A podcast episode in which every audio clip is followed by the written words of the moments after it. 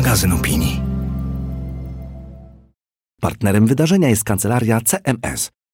Ja nazywam się Magdalena Kicińska, jestem redaktorką naczelną miesięcznika Pismo, magazyn opinii. Witamy się z Państwem tutaj w przestrzeni, jeszcze nie w metaversum, ale już w metaprzestrzeni po raz drugi w tym roku. Wróciliśmy po ponad dwójpółletniej przerwie do spotkań e, twarzą w twarz. Mamy też oczywiście streaming, co nas bardzo cieszy, e, że dzięki temu są z nami Państwo również, których E, którzy nie mogą tutaj do Warszawy na Koszykową przyjechać.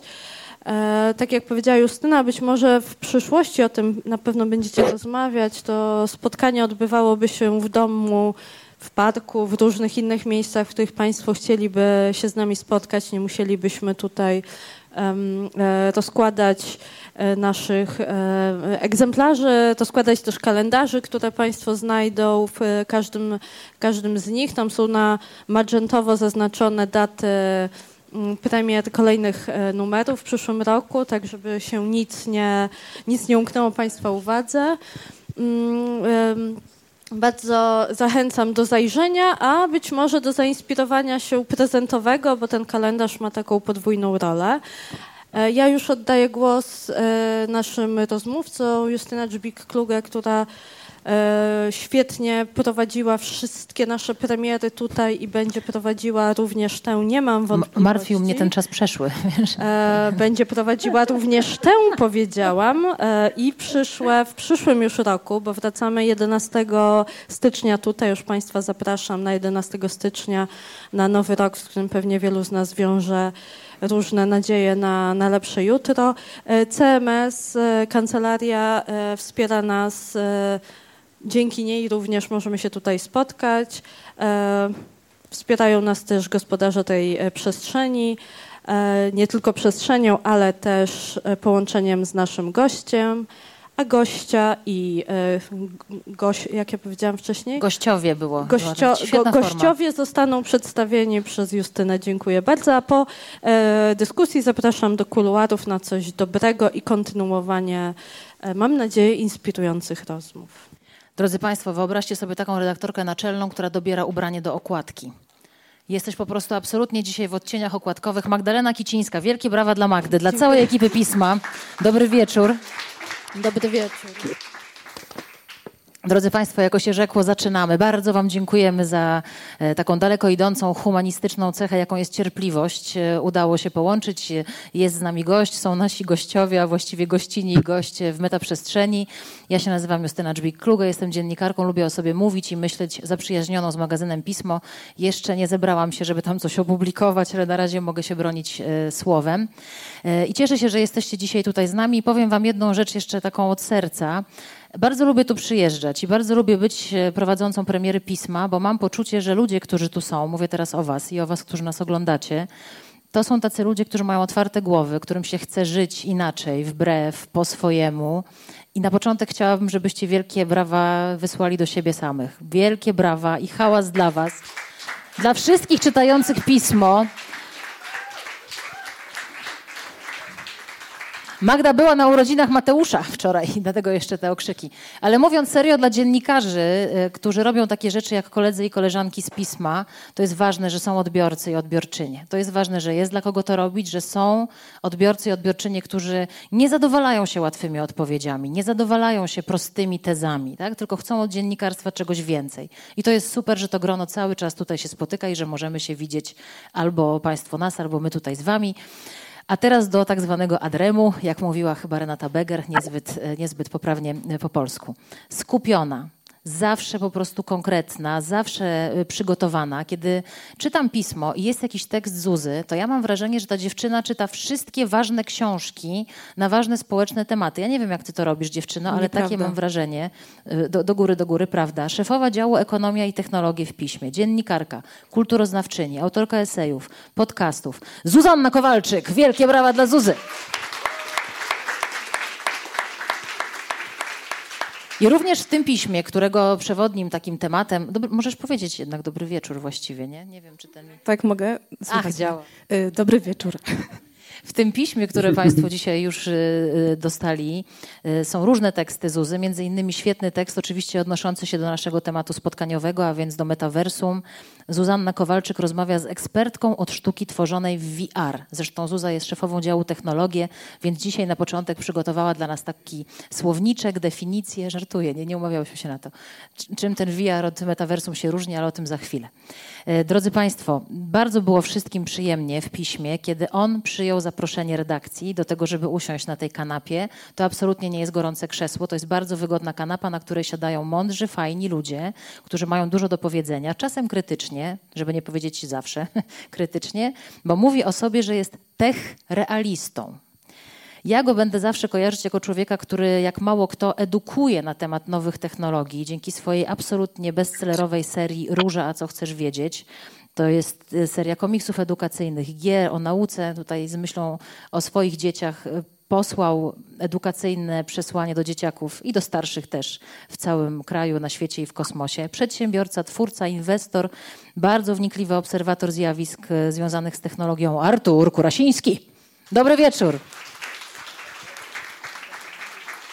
Dobry wieczór, dziękuję bardzo. Dobry wieczór. Artur, a co chcesz wiedzieć? O metaversum chciałbym najbardziej. Dlatego tę rozmowę poprowadzi Artur, a rozmowę poprowadzi z naszym gościem, no zobaczymy, może się tak okazać. Nasz gość, e, który mam nadzieję nas dobrze słyszy, e, dzięki naszym wspaniałym tłumaczom, słuchajcie, oni się chowają w tej dziupli, pokazuje, że słyszy. Ich też myślę warto powitać gorącymi brawami. Urszula Gałecka i Paweł Kozłowski. Witajcie. Tacy nie, niedostrzeżeni, niezauważalni, a wykonujący ogromną robotę. E, a teraz przedstawiam człowieka, od którego pozwolę sobie zacząć w ogóle tę dzisiejszą dyskusję, bo to jest człowiek, który jest pasjonatem metaversum, kieruje zespołem European Metaverse Campaign w Mecie czy w Meta, bo to raczej nie za bardzo odmieniamy, ale przede wszystkim jak wejdziecie sobie na jego profil na LinkedInie, bo można to zrobić, przeczytacie, że on o sobie mówi, że jest Metaverse Believer. Kto to jest Metaverse Believer? Czy to jest wyznawca? Czy ten Metaverse to jest jakiś Bóg? O co chodzi? Wielkie brawa dla Juana Bosicarda. Juan Bosicard, welcome! Thank you, thank you, welcome, thank you. E, czyli widzimy się i słyszymy. Yes, I can. Świetnie, uff. No to ustalmy o co chodzi, jeśli pozwolicie, z tym Metaverse Believer. Juan Metaverse Believer, czyli kto?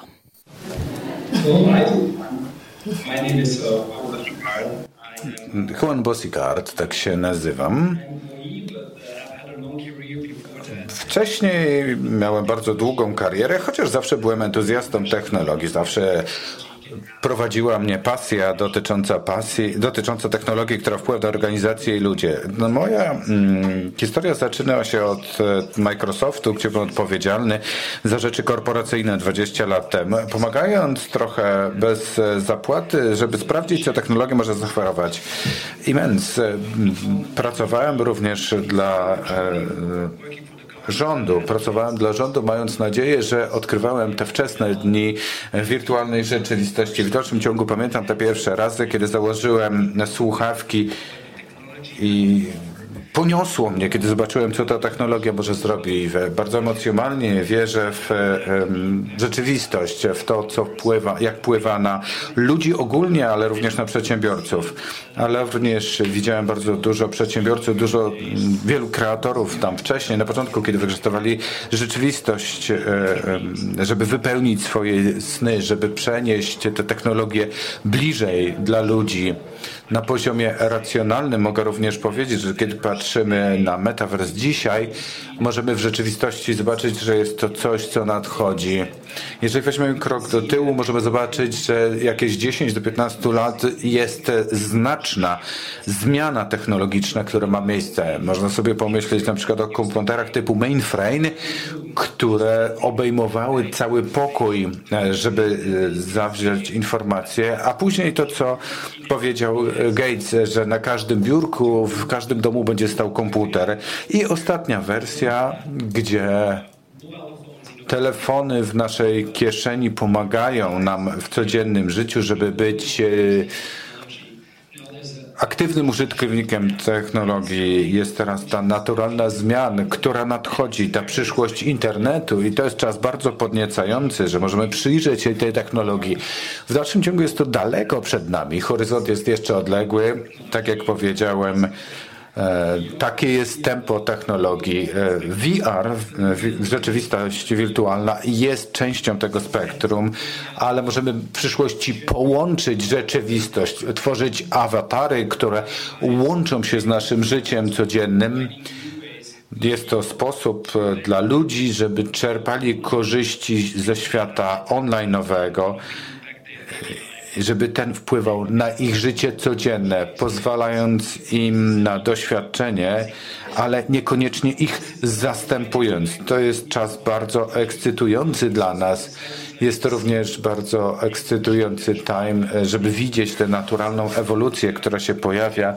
Niektóre technologie się zbiera, zbiegają, na przykład y, silniki działające w czasie rzeczywistym, przestrzenie komputerowe, widzimy te wszystkie technologie, które się e, zbierają, żeby wyznaczyć kierunek temu, czemu, mm, czym może stać się Metaverse. Meta jest jedną z firm, które budują, ale wierzymy, że wiele różnych firm będzie budować Metaverse i będą mieli wkład do tej wizji. Twoje pytanie, tak, jestem osobą, która wierzy w Metaverse i wierzę, że ta wizja pewnego dnia się spełni, ta technologia pozwoli nam żyć lepszym życiem. Y, y, przygłosie jeszcze jeden wątek do niego, mianowicie ta dyskusja, ta debata, to spotkanie ma takie y, no, pytanie, no niekontrowersyjne, ale takie może biorące pod włos, po co komu metaversum? Ja zapytam, po co to wszystko? To, o czym mówisz. Technologia coraz bardziej rozwinięta, coraz bardziej wyszukana, być może headset w każdym domu. Po co?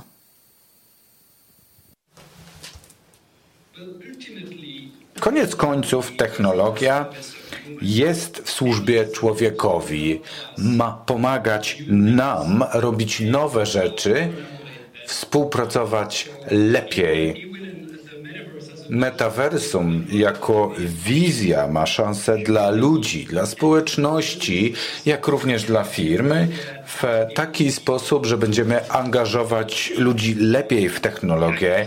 Mogę pokazać kilka przykładów Natomiast jeżeli popatrzymy, jak wygląda internet mobilny i co zrobił, żeby stworzyć równe pole, równe zasady gry, żeby stworzyć okazję E, dla jednostek, żeby mieć wpływ społeczny i gospodarczy. To samo dzieje się w metaversie. To otwiera kolejne możliwości. Weźmy na przykład e, obszar edukacji. Dzisiaj studenci pasywnie zdobywają wiedzę. Fakt, że ludzie mogą być zanurzeni w ten kontent, w treści, mogą uczyć się w sposób e, doświadczeniowy, empiryczny, co pozwoli im przejść, wyjść poza to, jak się dziś uczą, gdzie uczenie się stanie się doświadczeniem, czym nie jest dzisiaj.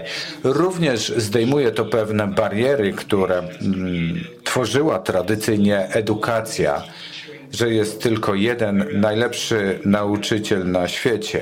I jeżeli tego jednego najlepszego nauczyciela możemy dać tysiącom studentów, może wpłynąć na uczenie i nauczanie się, jest to również fantastyczny sposób na to, żeby zanurzyć ludzi w doświadczenia. Jest taka polska firma, VR Hero, jest to partner Mety, która stworzyła to szczególne doświadczenie, taki film zanurzeniowy, gdzie możemy e, przejść przez doświadczenie powstania warszawskiego.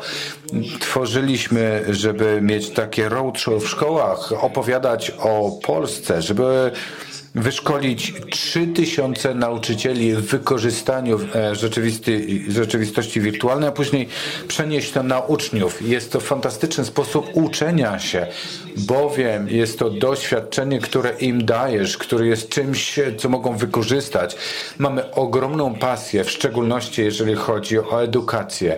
Stąd ten fundusz, w który zainwestowaliśmy 150 milionów dolarów, żeby stworzyć jeszcze większe doświadczenie. Również również e, świat zdrowia, gdzie są niebywałe możliwości oferowane przez wykorzystanie metaversu dla szkolenia lekarzy, profesjonalistów, którzy ćwiczą e, operacje bez ryzyka dla pacjenta, jak również pozwalamy e, na umieszczenie E, załogi karetki w niebezpiecznej sytuacji, e, bez bezpie- sytuacji niebezpiecznej dla nich. I kolejny przykład tutaj w Polsce, na przykład Warszawski Uniwersytet Medyczny obecnie ma szkolenia w rzeczywistości wirtualnej Giant Laser to jest e, polskie studio, które stworzyło programowanie dla studentów dentystów.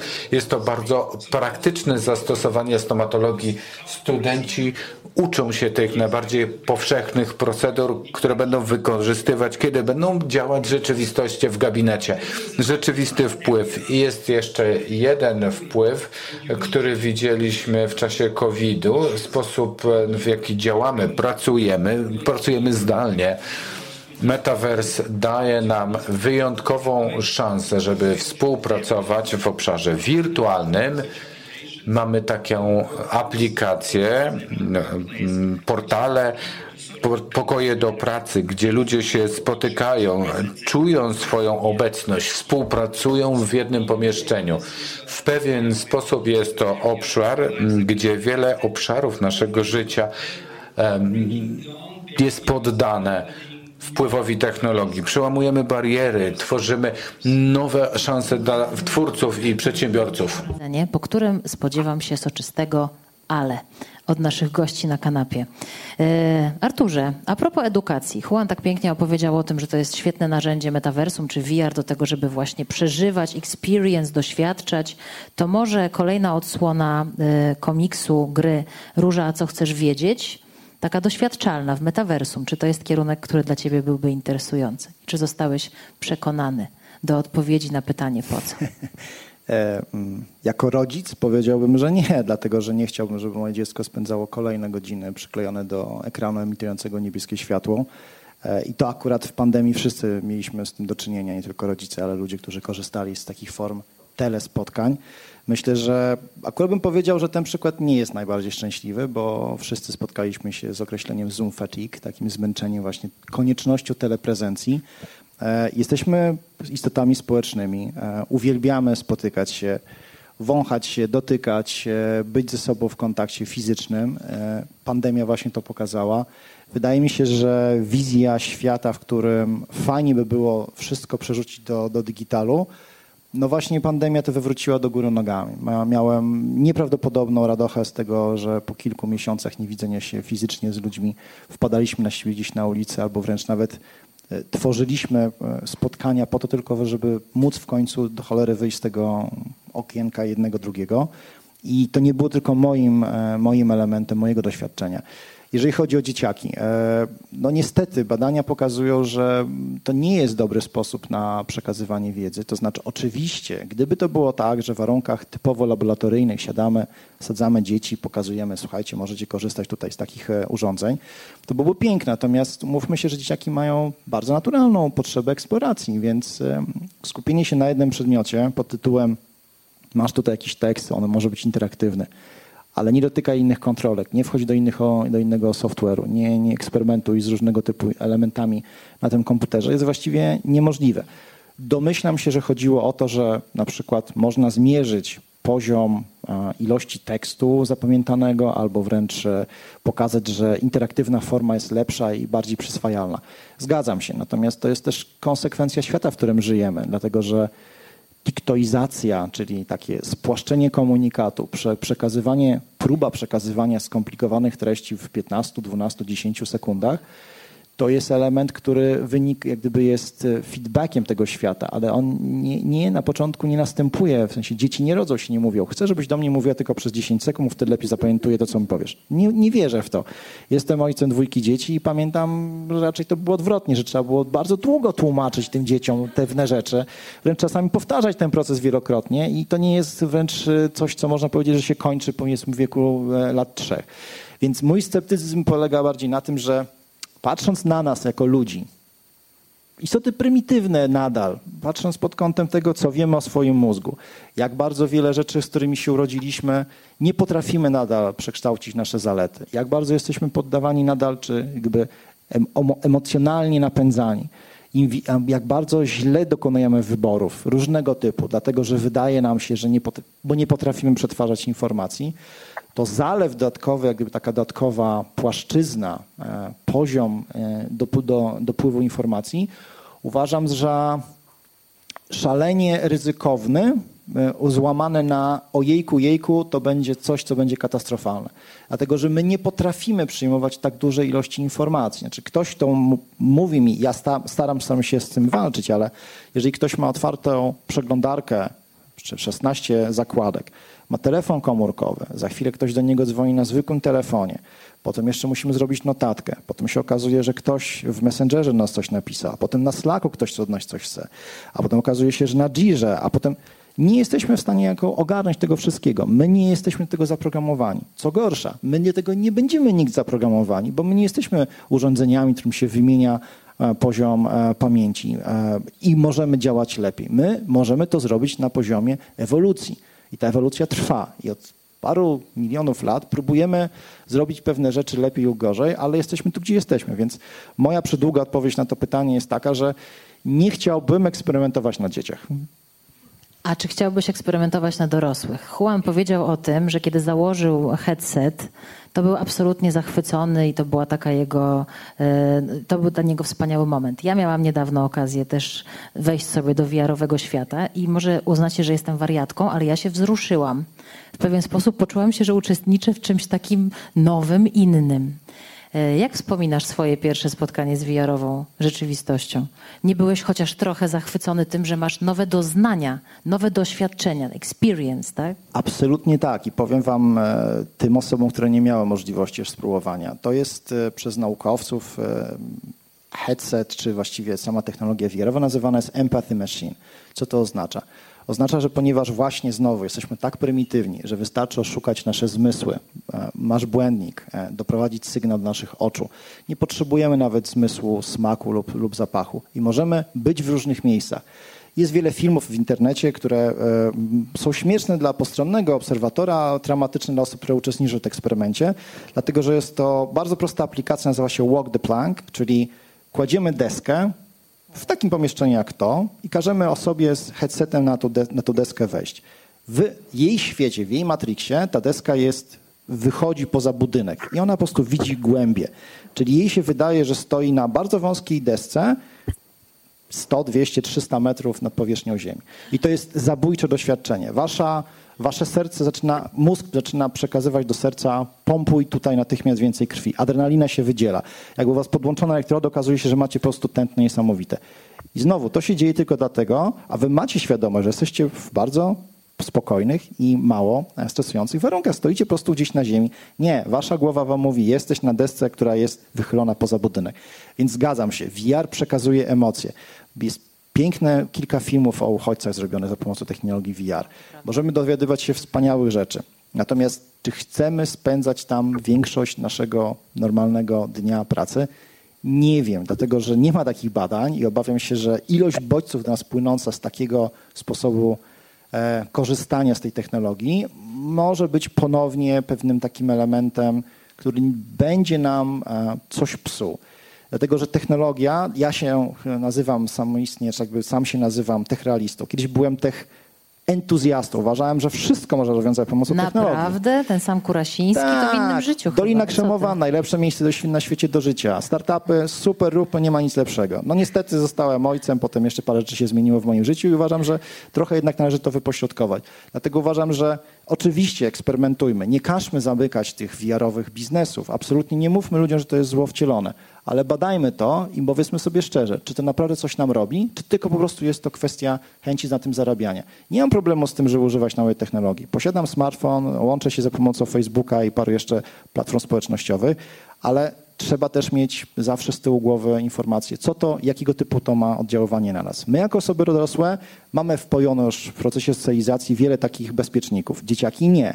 Dlatego zostawianie ich na przykład z taką technologią samoistnie, no, myślę, że może tu być powodem wielu problemów.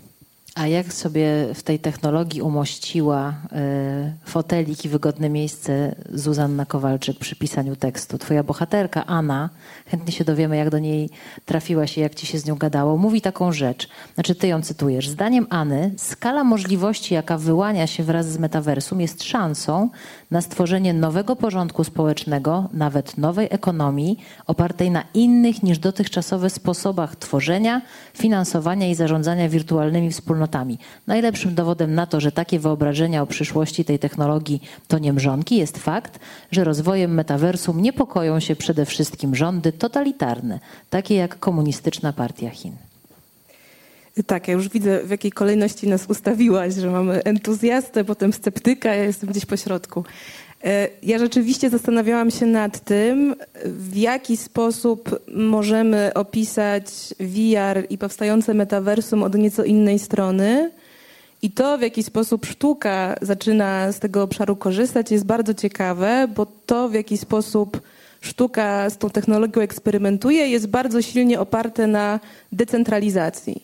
Czyli na tym, żeby tej przestrzeni nie monopolizował jeden wielki big tech, jedna wielka korporacja, tylko żeby te wszystkie renderowane w czasie rzeczywistym, wirtualne światy 3D e, były oparte na bardzo silnej współpracy i angażowaniu użytkowników w taki sposób, żeby oni się czuli, nie to, że czuli, byli współodpowiedzialni za, nie wiem, panujące tu reguły, za to, w jaki sposób będziemy chcieli no właśnie, układać sobie, nie wiem, obieg dóbr, w jaki sposób będziemy regulować kwestie prawne i tak dalej, i tak. No i zdecydowanie Anna jest bardzo ciekawą. Anna Brzezińska to jest e, kuratorka sztuki imersyjnej, która została niedawno główną kuratorką sekcji imersyjnej festiwalu Tribeca, czyli no jednego z największych festiwali sztuki na świecie. To nie jest tak, że ona nie jest świadoma zagrożeń, ale rzeczywiście pokazuje zupełnie inny sposób ujęcia tego tematu, y, bo możemy sobie równie dobrze wyobrazić, że dzięki temu, że mamy te światy, to możemy uznać je za takie laboratoria, w których będziemy testować nowe reguły gry. Wyobrażam sobie, że możemy zrobić taki testowy świat, w którym wymyślimy, czy jesteśmy w stanie na przykład zaproponować inny system gospodarczy niż kapitalizm. No i teraz sprawdźmy w takich laboratoryjnych warunkach, co by się wydarzyło. Biorę w ciemno. Prawda? No właśnie.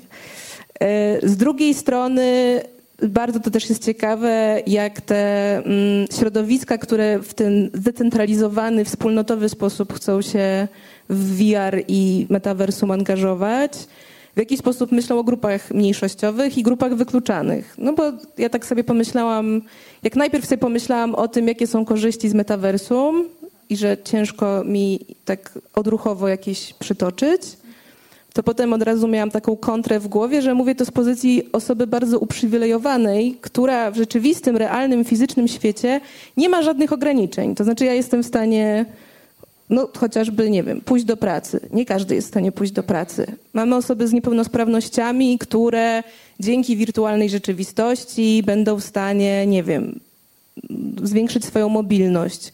Będą w stanie być może w łatwiejszy sposób się komunikować. Z drugiej strony, nie wiem, mamy osoby z niepełnosprawnościami, które nie mają żadnych doświadczeń seksualnych, które w wiarze mogliby w ogóle mieć szansę po tego typu doświadczenie sięgnąć.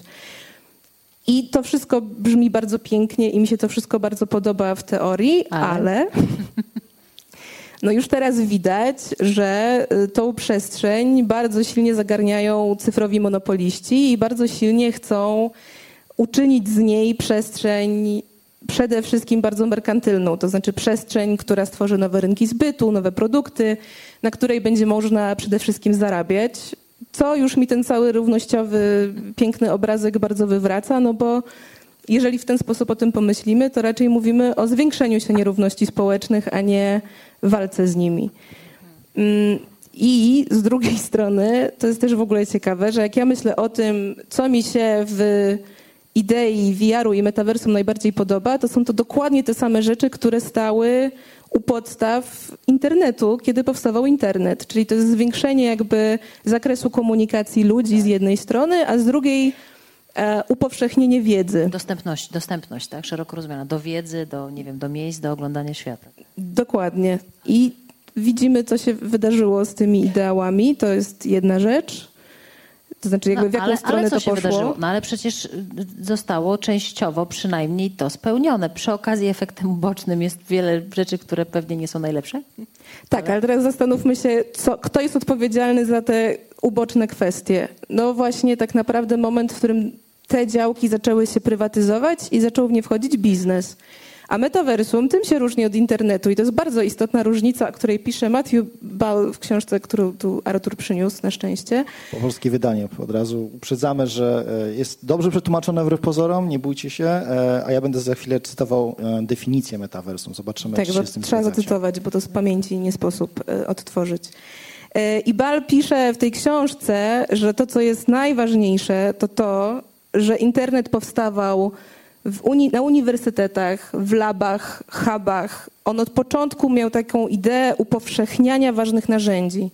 Metaversum jest od początku do końca tworzone przez wielki biznes w celu zarabiania pieniędzy. To jest gigantyczna różnica na poziomie tego, z czym się w ogóle mierzymy. I co jest w ogóle ciekawe, rozmawialiśmy o tym z Arturem przed y, tutaj spotkaniem z Państwem, e, że oryginalny tytuł tej książki brzmi, e, jeżeli dobrze pamiętam, The Metaverse and How It Will Revolutionize Everything. Po polsku przetłumaczono e, Metaversum, jak internet przyszłości zrewolucjonizuje świat i biznes. To znaczy, jakby do, dodano To, to, Pol- to. Polacy tylko o pieniądzach. Pamiętaj, Bo MT Biznes wy- jest wydawcą, więc może chodziło o to, żeby podkreślić. Ja uważam, że to jest bardzo uczciwe, wiesz, w gruncie rzeczy, no bo jakby nie mydlimy sobie oczu, no ten biznes jest właściwie w tym, tej książce bardzo kluczowym, nawet nie tyle punktem wątkiem. odniesienia, no jakby w ogóle źródłem i konsekwencją. Już Słuchajcie, nie zanim, zawłaszczam. e, e, chyba, że, zanim definicja metaversum, to chciałabym, żeby Juan się do tego odniósł, Jasne. bo to jest ważny wątek. Padło takie, nie powiem, że to jest zarzut, ale pewne stwierdzenie tutaj ze strony Zuzy, że cała zabawa, bo zaczęliśmy pięknie, od edukacji, od zdrowia, od osób wykluczonych. No ja nie ukrywam, że swój headset, który mam, zabrałam mojej mamie do domu, do mojej mamy, która jest osobą na wózku, po to, żeby zobaczyła coś, czego nigdy w życiu już nie zobaczy. I pod tym kątem to jest ten element wzruszający, że możesz dać coś człowiekowi doświadczenie, którego z racji swoich ludzkich ograniczeń on nigdy nie będzie mieć. Ale na ile, Juan, i to pytanie do ciebie, w tym wszystkim te ideały, te piękne słowa, ta pomoc ludziom gdzieś e, wykluczanym jest malutkim elementem biznesu i że ta cała zabawa jest podszyta po prostu chęcią sprzedawania, docierania do większego grona konsumentów, kupujących i że w jakiś sposób to dopala ten system, który dzisiaj padło, system kapitalistyczny. Możemy sobie zrobić w metaversum taki test innego systemu, ale może wcale nie chcemy, bo w tym kapitalizmie wszystkim, którzy mają kapitał, jest dobrze.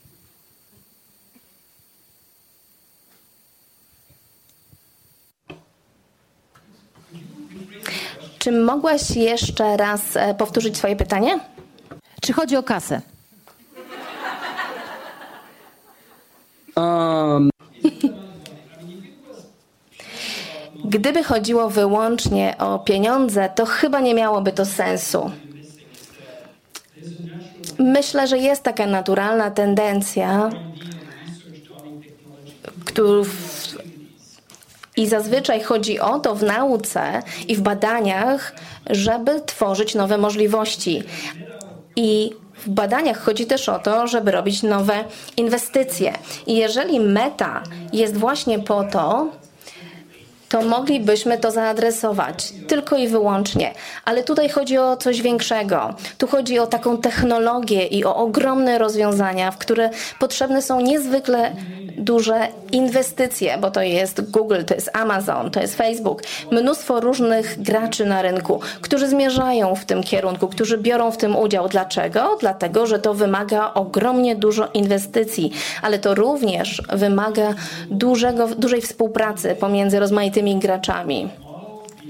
Być może są za tym różne modele ekonomiczne i gospodarcze, ponieważ musimy w jakiś sposób uzasadnić te inwestycje, ale czy to oznacza, że wszyscy będą spędzali więcej czasu e, w tych technologicznych światach, tak jak jeden z zarzutów, który usłyszeliśmy przed chwilą, bo będziemy mieli nowo jakieś urządzenie, ja inaczej na to patrzę. Ja widzę to tak, jak, że będziemy spędzali raczej lepiej czas w tych technologicznych światach. Będziemy lepiej wykorzystywali technologiczne możliwości, będziemy tworzyli nowe możliwości również spotkań, możliwości e, socjalizowania się nawzajem. Bardziej o to chodzi. Myślę, że powinniśmy mm, zrobić tutaj takie rozróżnienie między tym, gdzie jesteśmy dzisiaj i gdzie chcemy być, albo gdzie będzie technologia w przyszłości. Idealnie byłoby, żeby te technologie się ze sobą przenikały. Czyli na przykład będziemy używali na przykład okularów, coś, co będziemy wszyscy mieli ze sobą. Patrzymy na technologię wirtualną i patrzymy na metavers, ale tak naprawdę to jest po prostu kolejny krok w rozwoju technologicznym. I de facto powinniśmy zapominać o tym, że to jest technologia. To powinna być nasza normalność. To jest po prostu zintegrowana część naszej codzienności. I to też tworzy nowe możliwości dla nas. Także chodzi mi o to, że będziemy żyli w bardziej pełny sposób w tej naszym prawdziwym życiu. I to jest klucz, i to jest ta wizja, której, y, której to, która towarzyszy tworzeniu tego nowego świata. Myślę, że jest mnóstwo różnych sposobów wykorzystania tych technologii, jak również stworzenia dodatkowej wartości, wartości nie tylko dla przedsiębiorców, nie tylko dla inwestorów. Z całą pewnością będą takie modele, czy modele biznesowe, które wiemy, że teraz istnieją. Chociażby taki model e, z reklamami, ale również taki e, nowy model e, usług czy dóbr internetowych, które są dostępne w trybie zdalnym. To są wszystko nowymi, nowymi szansami, które są teraz dla nas dostępne, kiedy tworzymy taki otwarty metavers z wieloma możliwościami dla jednostek, dla organizacji chciałbym wrócić do tych strachów, które były wspomniane wcześniej. Eksperymenty na dzieciach i wprowadzanie ich wizję, w którą my mamy. Po pierwsze, mamy bardzo ostre podejście. Technologia może być wykorzystywana przez dzieci powyżej 13 roku życia. To jest coś, co bierzemy bardzo poważnie. Mnóstwo treści jest rozwijane wraz z uczniem, żeby wiedzieć, że i dzieci, i otoczenie są odpowiednie dla nich. A sam jestem ojcem, więc zastanawiam się, też się kłopotam tym, kiedy syn zakłada okulary VR. Dam przykład. Może nie jest reprezentatywny, ale dotknął mnie jako ojca. Można wyjść w przestrzeń kosmiczną w trybie wirtualnym. Jest to coś, e, o czym mój syn nigdy nie śnił. Dałem mu w tym celu headset i miałem problem z zachęceniem dziecka do czytania książek. Po tym jednym e, doświadczeniu chciał powrócić do książek, chciał dowiedzieć się więcej, bowiem to doświadczenie, które mu zaoferowałem, zainspirowało go, sprawiło, że szukał większej ilości wiedzy. Tego rodzaju doświadczeniem jest doświadczenie inspirujące, żeby zdobywać więcej wiedzy, żeby podnosić ducha osób, którzy podejmują tego rodzaju doświadczenia. E, no. Przyznam, że sobie tak zasłuchałam się w, to, w tą opcję w takiej podróży w kosmosie, gdzieś tam pierwszego kroku człowieka na, na Księżycu na przykład, gdyby można to było rzeczywiście poczuć na, na własnej skórze. Ale znalazłam taki cytat mm, trochę związany, chociaż nie, cytat za chwilę, to, co mówił Juan na początku swojej wypowiedzi, e, mianowicie internet, smartfony, czy to nie jest trochę tak, że VR, metaversum jest pewnym naturalnym elementem rozwoju technologicznego człowieka, że prędzej czy później taki krok a propos tych kroków na Księżycu, człowiek po prostu musiał zrobić i że generalnie to jest super, bo to znaczy, że wychodzimy poza ten świat, w którym jesteśmy, że jesteśmy, bo przecież kto to wymyśla? No człowiek, tak? W tych labach, w korporacjach, wszędzie są ludzie, którzy mają wizję, tak? Przecież to jest jakaś opowieść o tym, że my wychodzimy poza siebie i z tego chyba należy się cieszyć, a nie podchodzić do tego sceptycznie.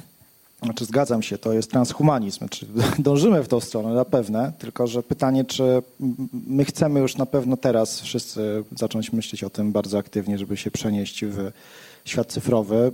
A kiedy będzie lepszy moment?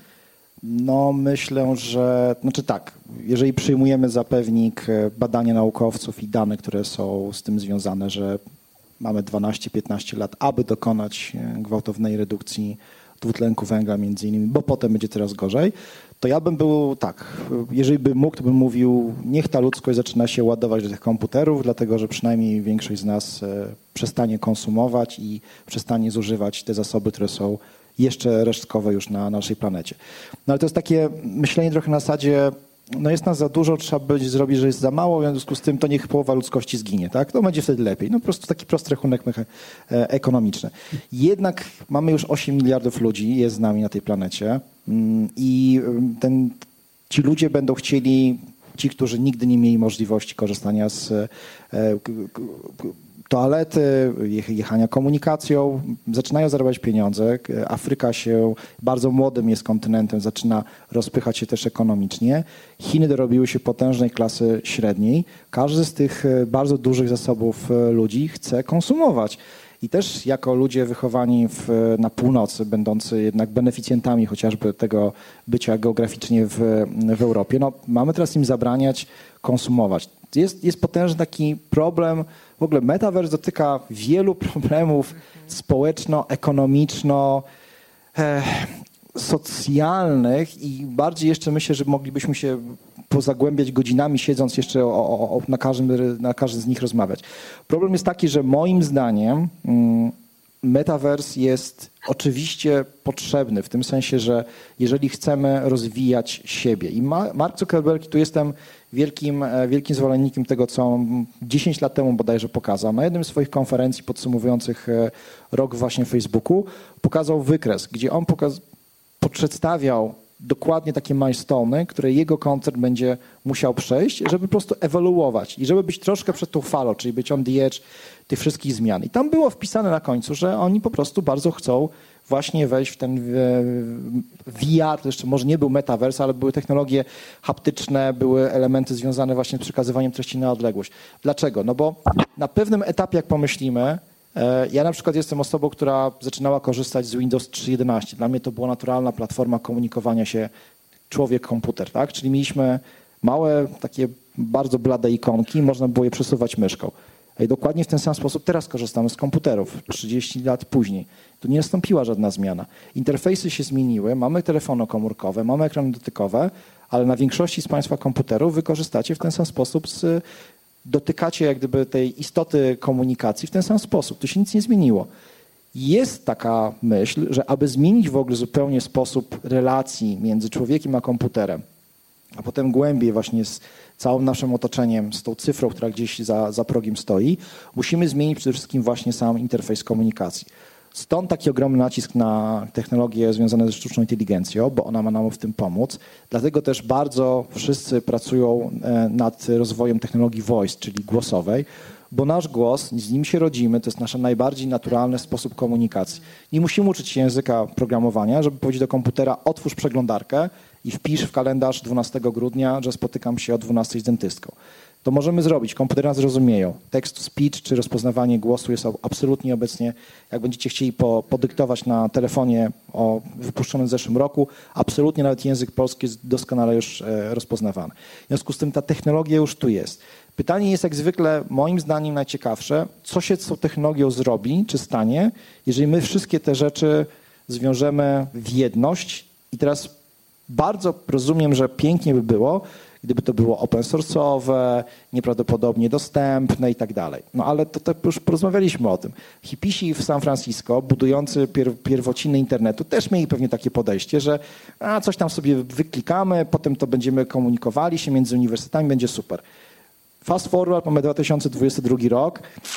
Nie bardzo możecie wysłać teraz pocztę bez korzystania z Google'a, z Gmaila, bo pewnie nawet do niektórych usług nie będziecie chcieli sobie, nie będziecie mieli dostępu.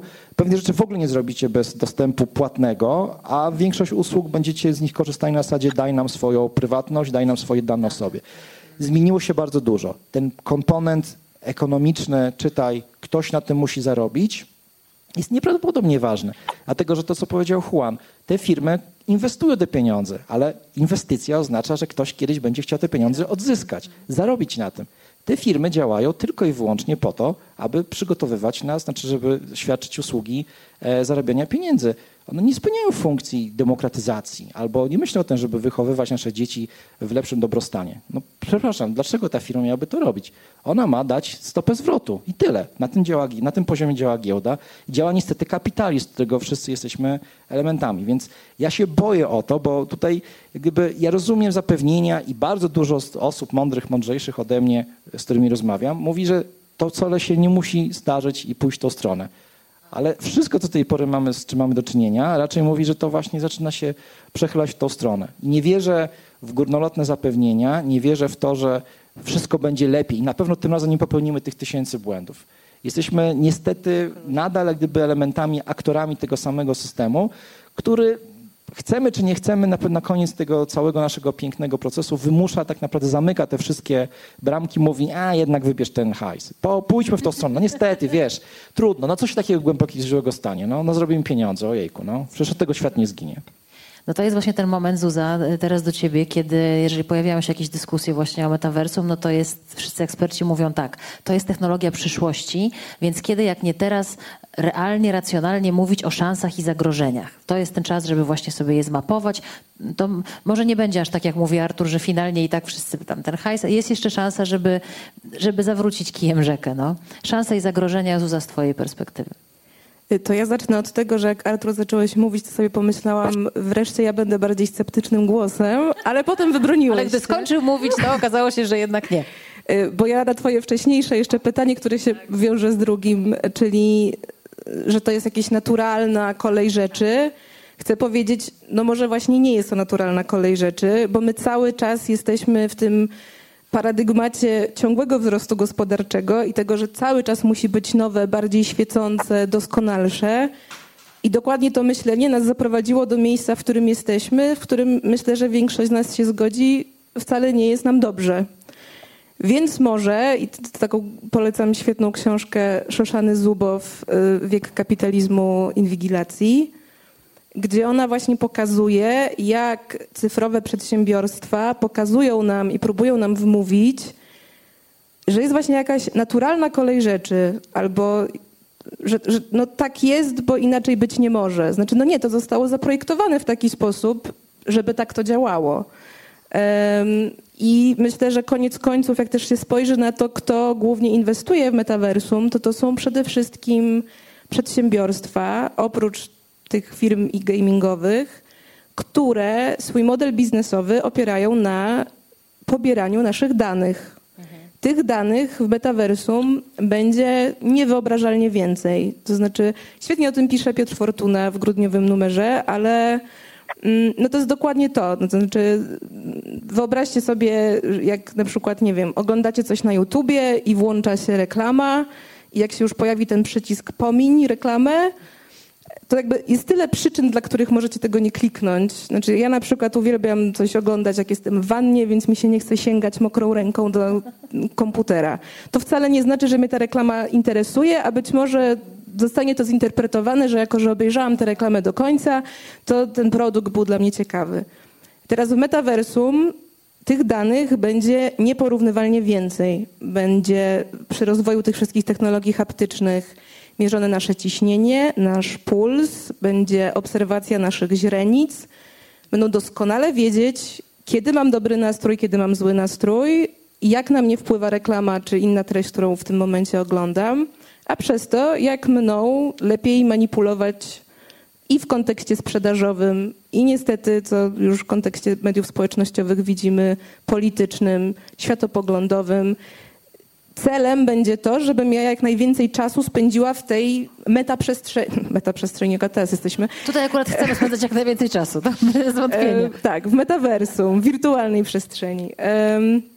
Skoro mam spędzać w niej jak najwięcej czasu, no to też po to, żebym jak najwięcej, nie wiem, nabywała, kupowała i tak dalej. Wspomniałam o Piotrze Fortunie, ponieważ y, on właśnie opisuje to, jak to wszystko, co nie działa w naszej rzeczywistości, już teraz jest zawłaszczane i jakby przerzucane do metaversum. To znaczy, no, y, taki słynny case tej żarówki, co to podobno do dziś dnia się pali, co po- powstała dekady lata temu. No więc wielkim problemem okazało się to, że jeśli będziemy nabywać na przykład ubrania w wirtualnej rzeczywistości, no to nie musimy ich prać, one się nie zniszczą, one się nie przetrą. No jakby teoretycznie możemy kupić jeden t-shirt cyfrowy i już go mieć do końca życia. Oczywiście to się bardzo nie spodobało tym, którzy nie, nie wiem, tego typu produkty mają dostarczać do wirtualnej rzeczywistości. E, W związku z czym wymyślili, e, że no nie, to będziemy w takim razie dawać ci taką subskrypcję na tę koszulkę, taką licencję, że ty możesz ją nosić dwa lata, za dwa lata możesz odnowić tę subskrypcję, ale ge- ale generalnie sprowadza się to do tego, że pewna wada w fizycznym świecie, polegająca na tym, że ko- szu- koszulka się niszczy, której moglibyśmy zapobiec w wirtualnym świecie i jest przekładana do wirtualnego świata, bo to się opłaca. W związku z czym ja tak naprawdę każdy pozytyw, który umiem znaleźć, od razu widzę jego rewers. No ale na przykład z tymi ubraniami, no wiesz, Fashion Week w rzeczywistości wirtualnej, możliwość kupienia sobie ciuchów Dolce i Gabbana po lepszej cenie, jak rozumiem, niż w salonie i bycie, wiesz, w tej No i nie, nie wiem, czy po lepszej cenie. Nie wiesz. sprawdzałam, nie sprawdzałam. Szukam, wiesz. Ale y, y, z kropką do ciebie, bo zapytałam o te szanse i zagrożenia. Masz naprawdę tak, że jak myślisz o szansie, to od razu z zawinkla przy tej samej Tak. szansie wyskakuje dla ciebie zagrożenie w tej samej kwestii, tak? Tak, jest taka świetna powieść, którą wszystkim polecam. Nazywa się Miasto w chmurach Antonego Doera. Ona się, akcja się rozgrywa na trzech planach czasowych. Jednym z tych planów czasowych jest przyszłość, taka mniej więcej dwa pokolenia w przód od teraz. I tam właściwie zostało opisane metaversum, chociaż słowo metaversum tam nie pada ani razu. E, I mnie niesamowicie ujęła ta wizja, bo ta wizja polega na tym, że takim centralnym jakby punktem odnoszenia się w tej metawersalnej rzeczywistości jest biblioteka. Gigantyczna biblioteka, która ma zdigitalizowane zbiory wszystkich książek, jakie kiedykolwiek powstały w historii ludzkości, zostały jakby ocalone. Mamy tam też atlas, który jest już w tej powieści przedstawiony jako taka bardzo archaiczna y, rzecz, że można sobie wejść do środka atlasu i właśnie w wirtualnej rzeczywistości chodzić po dowolnych miejscach na planecie, ale generalnie dzieciaki wybierają super atrakcyjne gry wideo, no bo atlas to nuda i przestarzałe narzędzie. I ja tak sobie pomyślałam, że jest to absolutnie wspaniałe. Tam też dużo łatwiej jest, dużo lepiej jest udoskonalone wyszukiwanie informacji, prawda? Że jesteśmy w stanie po prostu w taki sposób mieć dostęp do tej wiedzy, że to jest absolutnie zachwycające. E, No tylko już nawet w tej powieści się pojawia właściwie motyw i cenzury, i dezinformacji, która za tym stoi. To znaczy nagle się okazuje, nie chcę tu zdradzać suspensu samej powieści, ale nagle się okazuje, że świat w Atlasie jest przedstawiony w określony sposób, że pewne jego elementy zostały zatuszowane, że mamy dostęp do konkretnych informacji, a nie do wszystkich informacji. Kto ma być regulatorem tego wszystkiego? Dochodzimy do tego podstawowego pytania. Jeśli będziemy pamiętać o tym, że metaversum ma być ponadnarodowym tworem, e, no właściwie, skoro tak bardzo zawłaszczanym przez big techy, no to zakładam, że big techy będą tu jakby miały, rozdawały karty. Mm, No to w kontekście tego typu regulacji mamy teraz taki test na, na przykładzie mediów społecznościowych i y, no nie wiem, słynnej ostatnio afery Facebook Papers, która obnażyła, jak dużo Facebook wiedział na temat tego ne- negatywnego wpływu swoich narzędzi swoich technologii na kwestie społeczne. I reakcja była zupełnie nieproporcjonalna do jakby zagrożeń, które z tego wynikały. To znaczy reakcja była właściwie minimalna. Wręcz istnieją teorie, że y, zainwestowanie w metaversum było próbą odwrócenia uwagi od tej afery mało skuteczną. Y, Więc no tak, no ja, jakby każda szansa, którą ja dostrzegam, od razu widzę jej rewers i tak się bujam. A ja mam propozycję, bo mówimy o metaversum, ale moim zdaniem nie padła jeszcze definicja. W sensie pewnie każdy Chcesz z nas ma swoją chcesz różną... przeczytać, widzę, że ba- tutaj Matthew Ball, Bo, bo, widzę. chcia, bo Czytaj, chcę czytaj. powiedzieć jedną rzecz, że to nigdy się nie będzie miało miejsca. Znaczy, sorry. E, uwaga, Matthew Ball jest analitykiem, teraz jest chyba inwestorem i na jego obronę mogę powiedzieć tyle, że on zaczął mówić o metaversie jakieś 3-4 lata temu, w związku z tym naprawdę zanim to było modne.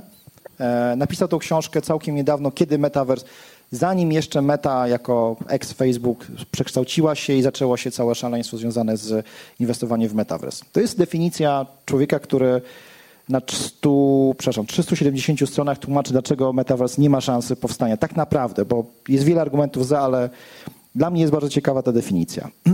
Oto, co mam na myśli, pisząc i mówiąc o koncepcji metaversu.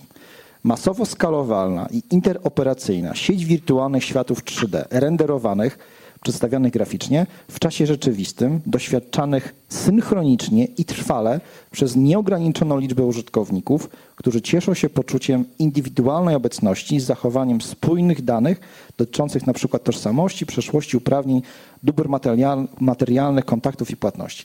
Znaczy pomijam to, że ta definicja absolutnie nie jest sexy i każdy z nas, ją już widziałem u was takie oczy, o Jezu, niech on skończy mówić. Natomiast każdy właściwie ten element tej definicji pokazuje, że w takim idealnym hollywoodzkim wydaniu, chociażby, nie wiem, z filmu e, Ready Player One, Stevena Spielberga sprzed chyba trzech lat, to w ogóle się nie ma szansy ziścić. Znaczy, rozmawialiśmy też przed wejściem o e, prostej usłudze e, dla graczy, nazywa się to Stadia, zrobił to koncert Google, który polegał na tym, że bez komputera ja mogłem za pomocą swojego telewizora, czyli wyświetlacza, grać w gry komputerowe.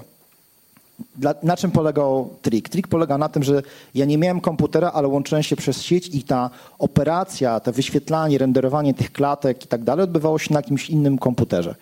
To zbankrutowało, w sensie Google wyciągnął wtyczkę, powiedział mi się to nie opłaca. Mówimy o grach wideo 3D, które na chwilę obecną poziom ich powiedzmy, że doskonałości jest no okej, ale mówmy się, że wszyscy zobaczymy różnicę między wyrenderowaną postacią żołnierza na ekranie, a żołnierzem stojącym koło nas. Znaczy ilość jeszcze rzeczy, które musiałaby nastąpić, żeby nie móc odróżnić w czasie rzeczywistym poruszającej się osoby, a wyrenderowanej jego awatara mu jest jeszcze bardzo, bardzo duży. To naprawdę technicznie ma bardzo niewielką szansę zaistnienia. W związku z tym trochę mówimy o, podejrzewam, bardzo różnych rzeczach, bo dla jednych osób Roblox, Fortnite, ci z was, którzy są rodzicami pewnie doskonale o tym wiedzą, bo was dzieci o to męczą, czy Minecraft, to są dla niektórych już metaversa. Ale to jest tak samo metavers, jak metaversem był Second Life w 2003 roku. Idea, idea jest bardzo podobna. Wyświetlanie awatara i rozmawianie z nim w czasie rzeczywistym to nie jest metavers. To znaczy można się kłócić, można dorabiać do tego filozofię, ale umówmy się, że to nie spełnia tej, tej definicji już nawet nie, nie samego Matthew Bola, ale wielu, wielu jeszcze innych osób. Więc dla mnie mm, to jest tak, to jest gonienie króliczka, to jest świetna okazja do tego, żeby pokazać i wyznaczyć cele. I uwaga, uważam, że akurat to jest dobre, bo powinniśmy jako ludzkość mieć jakieś takie, no takie moonshoty, tak? Na przykład polećmy na tego Marsa. Znaczy, nie w idei Ilona Maska, bo to też jest kompletnie chore, ale zróbmy coś niezwykłego, tak? Zróbmy coś, czego do tej pory, z czym mieliśmy problem, zjednoczmy się i rozwiążmy jakiś jeden wielki problem. Natomiast to jest tak skomplikowane i posiadające wiele problemów do rozwiązania, które na chwilę obecną wołają hej, wrzuć 100 miliardów dolarów i może, może po 20 latach coś z tego będzie, że ja się nie boję o ten metavers w takim rozumieniu e, świata z, z, rodem z Matrixa, bo tego typu rzeczy to naprawdę za bardzo duży okres czasu może będziemy mieli e, z tym do czynienia. I większość tych rzeczy, żeby było jeszcze gorzej, dotyczy ingerowania w nasze mózgi, dlatego że nie da się tak naprawdę najprostsza rzecz, jaką można zrobić, to odrzucić komputery i próbować nam wbić w pień mózgu jakąś wtyczkę i przekazywać nam, i po prostu razić nasze mózgi, czy korę mózgową razić jakimiś impulsami. I wtedy wywołanie jakichś fantomatycznych wizji jest prostsze i, i tak naprawdę ekonomiczniejsze niż bawienie się w renderowanie jakiegoś obrazu. Tak samo jak prosi jest kogoś po prostu naćpać jakąś substancją i będzie miał piękne wizje, niż mu renderować te wizje na ekranie komputera i pytać się, czy one są już wystarczająco Artur, wracamy, wracamy, czekaj, wracamy z tego. W każdym razie. Bo już, y, Metavers jest strasznie ciężki technologicznie. Bardzo jest ciężko do tego w ogóle z tą definicję uwspólnić i każda z firm, która będzie starała się wykonać krok w tą stronę, będzie mówiła, nasz metavers jest największy. Znaczy my już mamy prawdziwy metavers, taki TM, znak, register i mamy taki metavers, metavers. A inna będzie mówiła, nie, nie, bo wasze awatary nie mają nóżek, to jeszcze nie jest taki metavers pełny. No więc to będzie jeszcze przez parę lat taki ping-pong. Ja się bardzo cieszę, że Juan e, tutaj e, z siłą rzeczy, będąc trochę wykluczony, no bo nie jesteś tutaj z nami na miejscu, ale że dałeś znać, że chcesz się włączyć. Ja sobie w ogóle innego scenariusza nie wyobrażam. Ja bym bardzo chciała, żebyś ty się włączył. Po pierwsze adwocem no, w swojej potrzebie odniesienia się do tego, co powiedział Artur i powiedziała Zuza, a po drugie, gdybyś powiedział coś ze swojej perspektywy, takiej osobie jak Zuza, która mówi, że w każdej szansie widzi też zagrożenie. Bardzo jestem ciekawa Twojego zdania. Dziękuję bardzo. Dziękuję za tę rozmowę. Rozumiem, rozumiem te obawy i rozumiem również wszystkie podniesione uwagi. Jest taki naturalny lęk przed dużymi firmami, dużymi zmianami technologicznymi. Tak było w przeszłości i tak jest teraz. Myślę, może zanim e, dołączyłem do Meta kilka miesięcy temu, miałem dokładnie te same obawy i dokładnie te same pytania. I często sami się konfrontujemy z takimi rzeczami jak nie ma takiej firmy jednej, jedynej, która by stworzyła sama w pojedynkę metaverse metaversum. Tak jak powiedziałem, jest to możliwe tylko jeśli będziemy mieli mnóstwo uczestników. W tym projekcie bierze udział 2000 firm. 400 z nich to są naprawdę duże europejskie firmy, które próbują określić standardy. Standardy dotyczące przesyłania danych, procesowania danych, które budują wspólnie metaversum. I dopiero te osoby są w stanie ustalić pewne standardy. To jest tak zwana interoperacyjność, która jest wymagana i konieczna do tego, żeby stworzyć coś wspólnie. Dlatego chcę podkreślić ten element współpracy, bo żeby móc podróżować z jednego świata do drugiego w ramach metaversum, potrzebujemy wielu graczy, którzy będą współtworzyli ten nowy świat. Druga kwestia, żeby mieć, mieć praktykę, taką prawdziwą wizję metaversum, żeby mieć osób, osoby, które będą je budowały, czy też e, przedsiębiorców, jak również twórców, to musimy stworzyć jakieś narzędzia, których oni będą, e, ch które chcieli, będą chcieli mieć, ponieważ najpierw tworzymy pewne fundamenty, które pozwolą na stworzenie pewnych narzędzi i będą taką platformą to będzie taka, takie nakładki technologiczne, które pozwolą na dołączenie do tego projektu kolejnych grup, ale potrzebujemy do tego całego mnóstwa kreatywności, żeby móc do, dokonać tej przemiany i tego przeniesienia ze świata rzeczywistego do świata wirtualnego. Dlatego to jest absolutnie konieczne po to, żeby każdy z nas mógł się potem przenieść do tej wirtualnej rzeczywistości. I jest kolejna y, taka uwaga, obawa, jeśli chodzi o prywatność, o bezpieczeństwo. To tutaj legislacja i ustawodawstwo jest dużo lepsze w Europie niż w innych regionach świata cały świat musi się rozwijać ramię w ramię z prawodawstwem, z ustawodawstwem, z regułami, zasadami. Są wydawane pewne rekomendacje po to, żeby stworzyć te ramy prawne, żeby mógł sam metavers się, metaversum mogło się rozwijać. Są to wytyczne nie tylko z obszaru przemysłu, czy, ale również ze środowisk akademickich, jak również od przedsiębiorców z instytucji edukacyjnych. Dlatego metaversum będzie dużo silniejsze niż te wszystkie projekty z przeszłości, dlatego że teraz będą one tworzone wspólnie z legislacją, z ustawodawstwem, bo internet tworzył się szybciej. Internet stworzył się, a dopiero potem przyszły za tym zapisy prawne. A teraz te światy będą się działy równomiernie. Że, że Państwo chętnie się włączą. Ja się na Państwu trochę już poznałam tutaj. Bardzo dziękuję za wsparcie wolontariuszom. Porwiemy jeden mikrofon tutaj nasz kanapowy.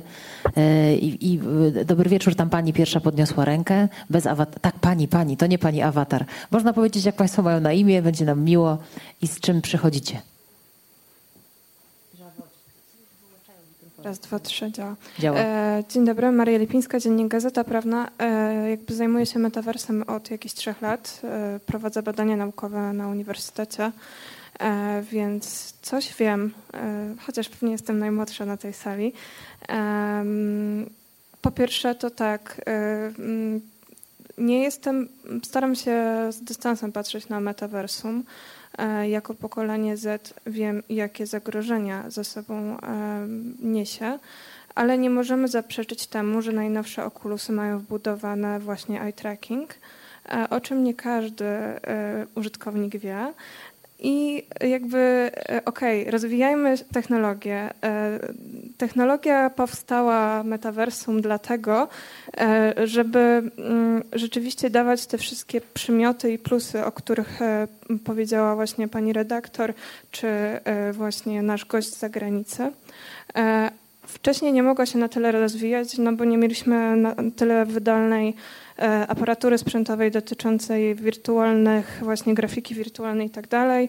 Później e, przyszedł taki nastolatek, dziewiętnastolatek, zrobił Oculusa, później Oculusa kupiła Meta. E, I świetnie, e, że taki produkt jest, ale czy teraz jest ten moment, jeśli my mamy problem z ogarnięciem big techów w tym momencie, e, i nie mamy jeszcze dokładnych regulacji, bo to, co e, tutaj Pan e, wspomniał e, o mm, całej legislacji, która się tworzy teraz, jest ważne, ale nie jest to jeszcze ten etap, który rzeczywiście satysfakcjonuje użytkowników. E, Bo e, pamiętajmy o tym, że wszystkie e, legislacje są tworzone owszem przez e, mądrych prawników, e, polityków e, i akademików, ale pamiętajmy też o tym, że największe granty przyznaje Meta e, w tym momencie na badania VR-u. Pamiętajmy też o tym, e, że Ministerstwo Edukacji e, i Nauki e, ws- wsparło projekt e, owszem edukacji historycznej, e, na którym jest świetny film o powstaniu warszawskim. Nie neguję tego, ale dlaczego akurat e, taki projekt został wsparty? Zastanówmy się nad tym. E, Zastanówmy się nad tym, w jaki sposób to wprowadzać do szkół, a nie przyznajmy granty na wiele set tysięcy złotych e, i edukację historyczną, jak jeszcze nie wiemy, jakie są konsekwencje tego. W sensie, czy Państwo naprawdę uważacie, że na rzecz rozwoju technologicznego warto dawać dzieciom najnowsze nowinki techniczne, nawet jak nie wiadomo, jaki wpływ będzie to miało?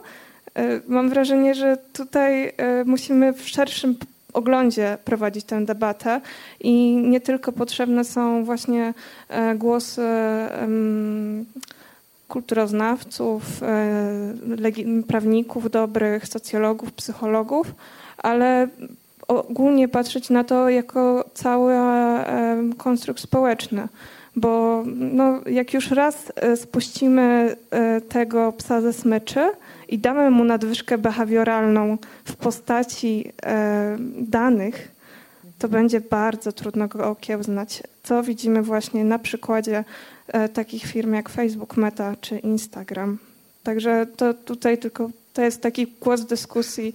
E, Co Państwo o tym sądzą? Czy to jest ten moment rzeczywiście, bo widzę, że się Państwo wspierają e, i jakbyście mogli właśnie ten wątek pociągnąć, czy to jest ten moment, tak? Pani Mario, to jeśli pani pozwoli, to najpierw zaadresujemy tę myśl do Juana, a później do gości na kanapie.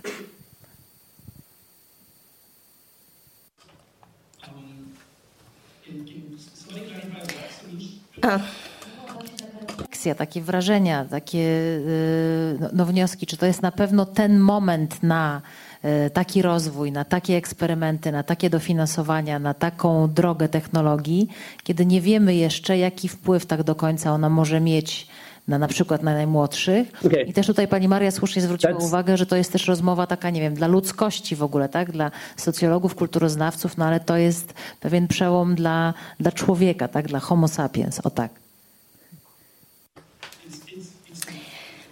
To świetne pytanie.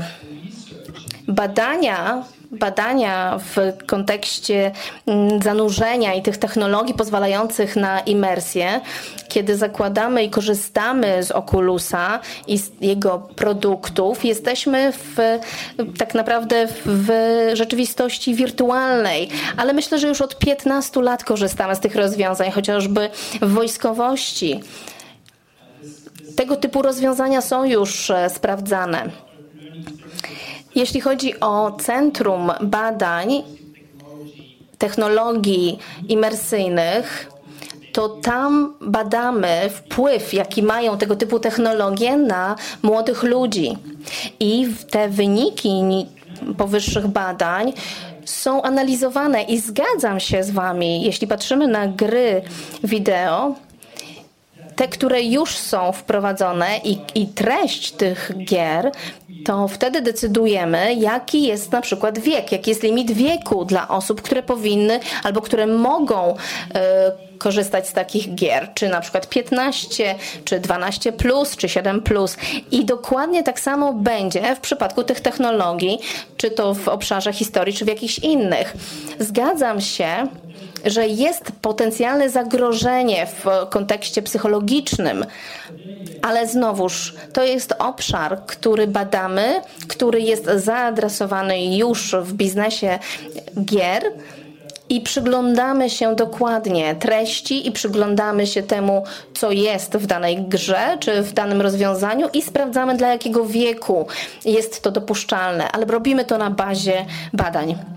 Wasz komentarz czy wasz punkt odniesienia do tego, o czym powiedziała pani Maria?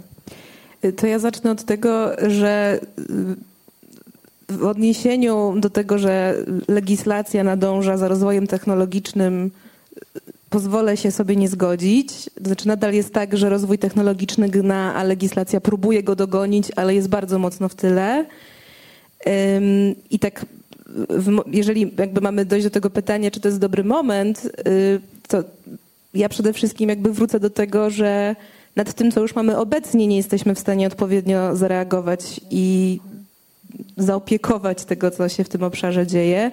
Ja przepraszam, ja mam zerową pamięć do nazwisk, ale jakiś czas temu, to też była jakaś taka powiedzmy głośniejsza afera, wypłynęła notka służbowa właśnie z mety jakiegoś wysoko postawionego mm, to może lepiej, że nie pamiętasz nazwisk. No, może lepiej. No... E, I ta notka e, była właściwie poświęcona temu, w jaki sposób moderować treści, które e, dzieją się na live streamach, czyli dzieją się na żywo. I z tej notki właściwie wynikało, że Facebook póki co nie ma że właściwie nie da się tego zrobić. Znaczy, że jeszcze nie ma pomysłu, w jaki sposób moderować treść, która się dzieje na żywo.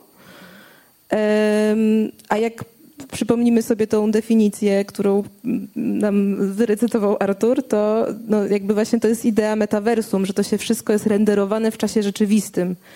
Znaczy, że jeżeli nie jesteśmy w stanie moderować rzeczywistości, która nie dzieje się w czasie rzeczywistym, to wskakiwanie od razu do czasu rzeczywistego w tak głęboko zanurzającej się imersji jest dla mnie no, alarmujące, to jest delikatne sformułowanie. Arturze, czujesz się zaalarmowany? Znaczy na większość e, pytań odpowiedziałbym tak, w sensie mm, tak, jest problem, tak, mamy wszyscy z tym do czynienia problemem. E, na pewno zgodzę się tutaj z przedmówczynią i absolutnie nie, nie czuję tego momentu. Znaczy i tak, bardzo mi się podoba, co się dzieje w ramach Unii Europejskiej i myślę, że to się bardzo nie podoba dużym e, koncernom technologicznym. Nie pomnę już ile dni temu po raz kolejny Unia walnęła już generalnie rzecz biorąc, co, co, dwa tygodnie, co miesiąc mamy do czynienia z jakimś spuszczeniem bomby atomowej. Amerykanie z tego się śmieją, dlatego że oni uważają, że to jest głupota z naszej strony, bo my, Europejczycy, po prostu nie rozumiemy biznesu. Po prostu trzeba wszystko móc sprzedawać, kupować. O co w ogóle, o co w ogóle chodzi? Natomiast Unia Europejska zdaje się, to jest taki jedyny podmiot, e, zbiór państw, który chyba raczej próbuje to ogarnąć pozytywnie. W Ameryce mieliśmy przez chwilę taką, taki, taką fajną sytuację, że okazało się, że Big Tech to chcą regulować i demokraci, i republikanie. Tylko każdy miał gdyby inną agendę z innego punktu widzenia. Sytuację, w której obecnie widzimy, co się dzieje chociażby z Twitterem, gdzie ultralibertarianistycznie nastawiony szef, prezes firmy zwalnia pracowników, bo mówi, że są zbyt lewicowi, po czym jak reklamodawcy mówią, że jest za dużo kontentu negatywnego i ludzie próbują, jest zwiększenie hejtu i różnego typu treści bardzo niefajnych, to mówi, że to jest problem wolności słowa. Znaczy mamy pomieszanie z poplątaniem rzeczy i przyczyn i skutków. Natomiast cieszę się to, że na pewno w ramach Unii Europejskiej jest ostra walka o to, żeby próbować to e, w jakiś sposób ubrać w te, te, zmiany dogonić. Raczej ona będzie oczywiście, to, to będzie zawsze wyprzedzone przez e, lobbystów i firmy, które będą szybko coś wdrażały, a potem tylko będą czekały, czy dostaną po oczach, czy nie. Natomiast absolutnie się zgodzę. Czy naprawdę nie chciałbym, żebyśmy eksperymentowali na, na, na żywym organizmie. Wiemy historycznie, że są problemy z rozwojem nowych technologii. Nie mamy odpowiedniej ilości badań jeszcze na ten temat. Wrzucanie i robienie z tego mainstreamu, moim zdaniem, mamy bardzo dużo wniosków już obecnie mówiących, że to skończy się katastrofą. Ale może znajdziemy też jakieś przesłanki pozytywne.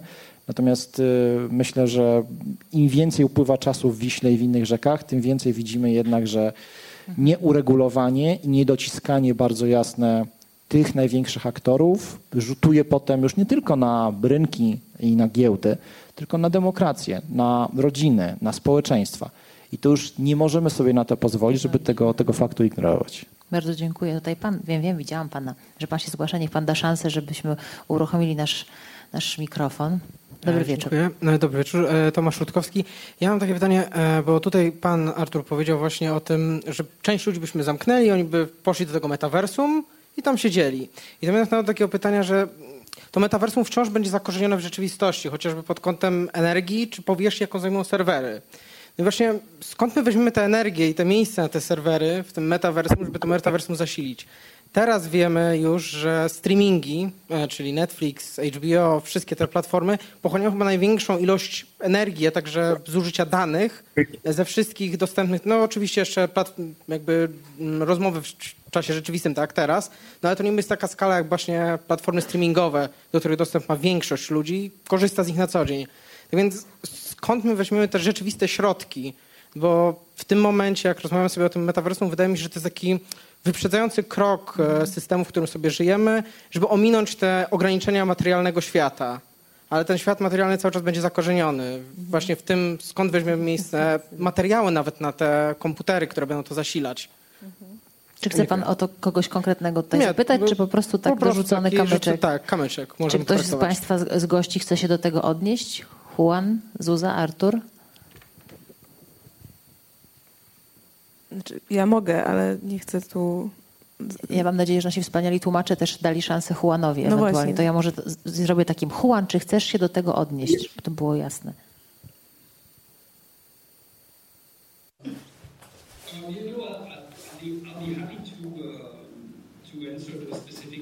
Jestem gotów odpowiadać na konkretne pytania.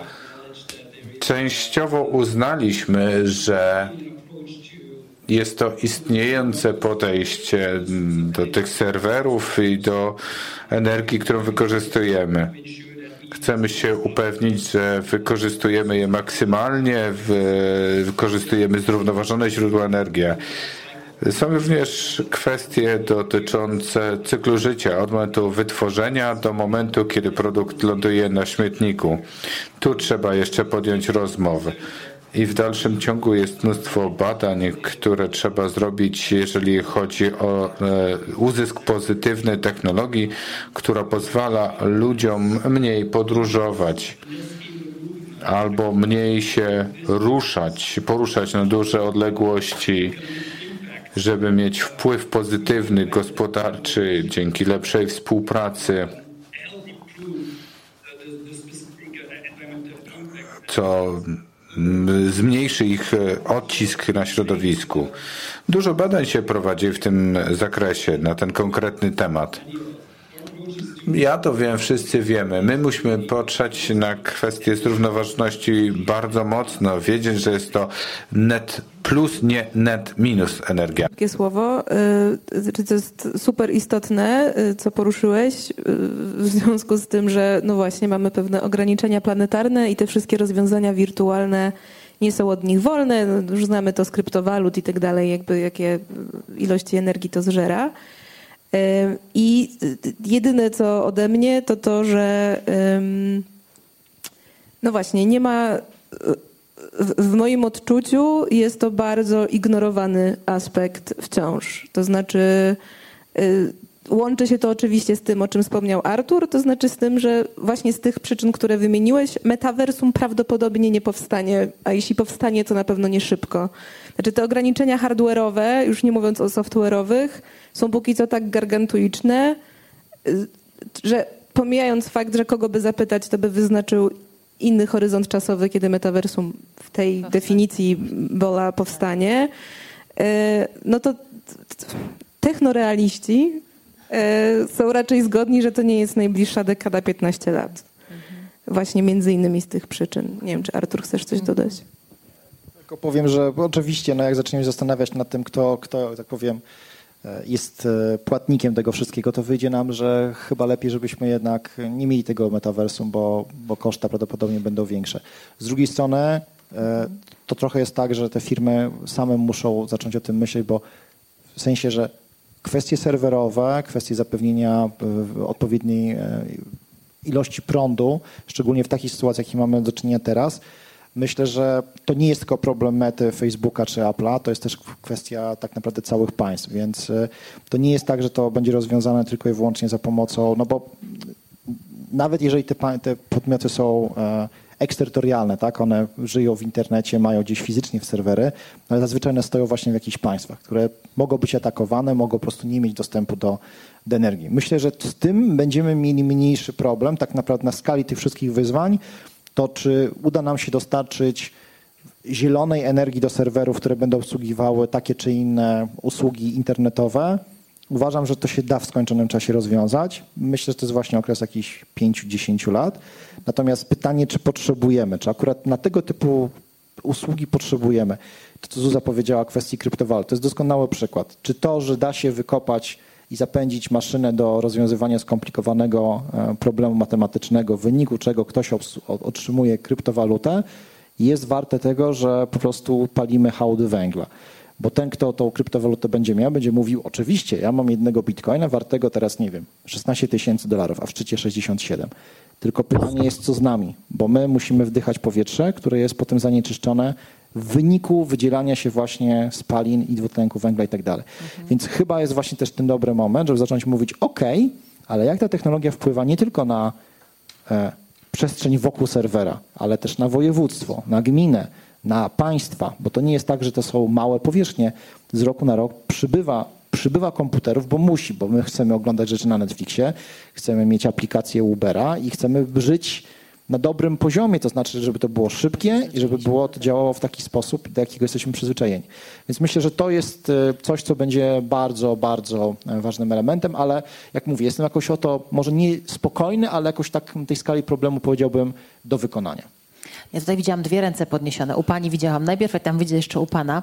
Ja tylko wam coś powiem tak w ramach anegdoty, że koledzy z pisma na mnie nakrzyczeli i ostatnio powiedzieli zrób troszkę krótszą rozmowę, ale ja nie mogę, dlatego że państwo mają tutaj ochotę jeszcze coś dorzucić i zrobimy to i dorzucimy. A potem będzie wisienka na torcie. To ja zrobię szybkie dorzucenie tylko ekspresowe do tego, co powiedział Artur. Ale, ale to pani teraz. Nie wiem, już, już. Ale tylko to... chciałam powiedzieć, że nie bez powodu w tym numerze grudniowym jest też o greenwashingu tekst. O, bardzo proszę. E, tak, dzień dobry, nazywam się Katarzyna Reszczyk-Król. E, tak, ja mam właściwie tak, jedno takie przemyślenie dotyczące tego, co Juan powiedział o tym, że to nie jest jedna firma, która się tym zajmuje, to jest szereg e, spółek, mniejszych, większych przedsiębiorców, którzy nad metaversum myślą. Fajnie. Natomiast pytanie, na ile my możemy tak naprawdę ten proces jeszcze bardziej zdemokratyzować, bo teraz mówimy o sektorze prywatnym. Cały czas mówimy o tym, że to są aktorzy z sektora prywatnego, którzy wymieniają się myślami, chcą stworzyć pewne ramy współpracy, zasad, nie wiem, chociażby przetwarzania danych. Mówimy też oczywiście o rekomendacjach Komisji Europejskiej. E, co do prawa, e, jako prawnik wiem, że prawo jest pewnego rodzaju narzędziem, które czasem nie jest w stanie nawet antycypować pewnych rozwiązań technicznych, dlatego że technologia tak bardzo idzie do przodu, że często nawet my możemy mówić o pewnych ramach, o zasadach, o wartościach. Mamy, prawda, chociażby e, rozporządzenie RODO, które no, tu jakby też w dużym stopniu dotyczy kwestii oczywiście ochrony prywatności w zakresie naszych danych, które by właśnie w tym metaversum mogły być przekazywane. Natomiast wiele rzeczy tak naprawdę wymaga dalszej współpracy. Teraz pytanie do Państwa, pewnie do Juana też, jak widzą Państwo możliwość demokratyzacji tego procesu? W sensie takiej nawet debaty społecznej, i bo to jest tak naprawdę zagadnienie, zagadnienie filozoficzne, czy my potrzebujemy metaversum i czy my najpierw powinniśmy o tym rozsądnie porozmawiać, w jakich kręgach, yy, dlatego że można sobie zadać pytanie, co to pani Zuzanna powiedziała o tym t-shircie i subskrypcji. Czy my w ogóle potrzebujemy tego elektronicznego y, t-shirtu w ogóle? Czy on nam jest do czegoś potrzebny do szczęścia, czy jest tylko kolejnym jakby takim naszym widzimisię, czymś, co po prostu chcemy osiągnąć, bo chcemy rozwoju takiego gdzieś tam w nas, albo też takiego, który gdzieś nam z zewnątrz jest mówiony, że, e, że chcemy się rozwijać. Także y, takie pytanie y, do Państwa. Dziękuję. No to do Juana w takim razie pytanie. Skoro jest ono konkretne, to bardzo proszę. Juan? Tak. Pytanie jest dość konkretne. Odnosi się do szans, które się tworzą. Rozumiem o co chodzi, gdy mówimy o konieczności stworzenia tych czynności, tych aktywności. Jeżeli chodzi o prawo jako takie, prawdą jest, że utwarza się ramę i precedensy dla konkretnych działalności. Czy są nam potrzebne te cechy, te enablery, jak tworzyć demokrację na najniższym poziomie? No to pomarzę sobie troszkę z państwem i wrócę do siebie sprzed lat, zanim wszedłem do tej branży wszystko, co wiązało się z metaversum, to przeniesienie ludzi do tego równoległego świata, do wersji 3D, która jest dostępna natychmiast i w wersji 3D. Koniec końców stworzy to zupełnie nowy system. Będą nowe reguły, które będą opisywać konkretny element. Jeżeli zaś wierzymy w demokrację, a demokracja jest podwaliną naszego społeczeństwa. I nie jest to koncepcja uniwersalna, chociaż spróbujmy trochę poudawać, że metaversum jest zarządzane pewnymi przesłankami, które mają elementy demokratyczne. Oznacza to, że każdy członek mm, metaversum ma głos i wpływa na sposób, jaki reguły, które są tworzone, które legitymizują metaversum, interoperacyjność, systemy, gospodarkę, prawo, oznacza to, że każda osoba w metaversum ma prawo głosu i może wpływać na kierunki rozwoju. Na tę chwilę ta konkretna koncepcja idzie w obszar nam nieznany. Nie wiemy, czym jest metaversum. Mamy pomysły na to, w którym kierunku może się to rozwinąć. Ekstrapoluję jedną wersję, która pozwoli nam go stworzyć, ale to jest ten obszar, gdzie tylko czas może odpowiedzieć na pytanie, jak sformułuje się metaversum i jaki system zarządzania będzie dyktować reguły w świecie wirtualnym istnieje potencjał, że każda osoba w tym metaversum będzie miała swój głos. Odnieść? Bez zmian chętnie. Um, to odnośnie demokratyzacji, nie chcę wyjść na jakiegoś takiego, taką koszmarną sceptyczkę, ale... Za późno. za późno. Um, wspomniana już przeze mnie Szoszana Zubow takie wprowadziła piękne określenie asymetria wiedzy i władzy.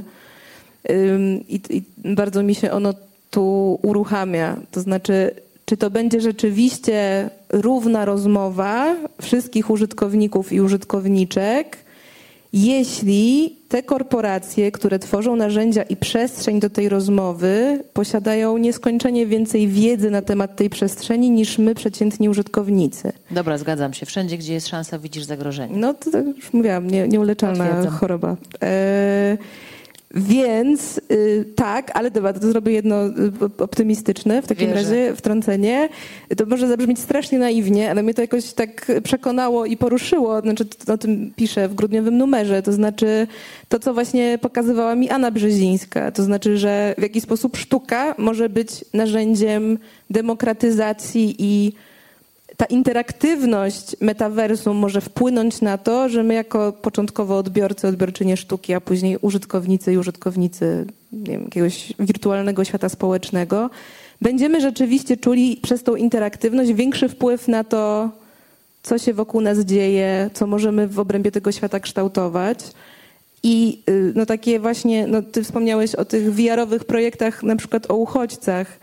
To jest niesamowicie ważne, bo te osoby, które miały szansę w tych doświadczeniach VR-owych uczestniczyć, mówią o tym, że zrozumiały te sytuacje na zupełnie nowym poziomie. Znaczy tak, to ich emocjonalnie zaangażowało, że... Empathy machine, tak?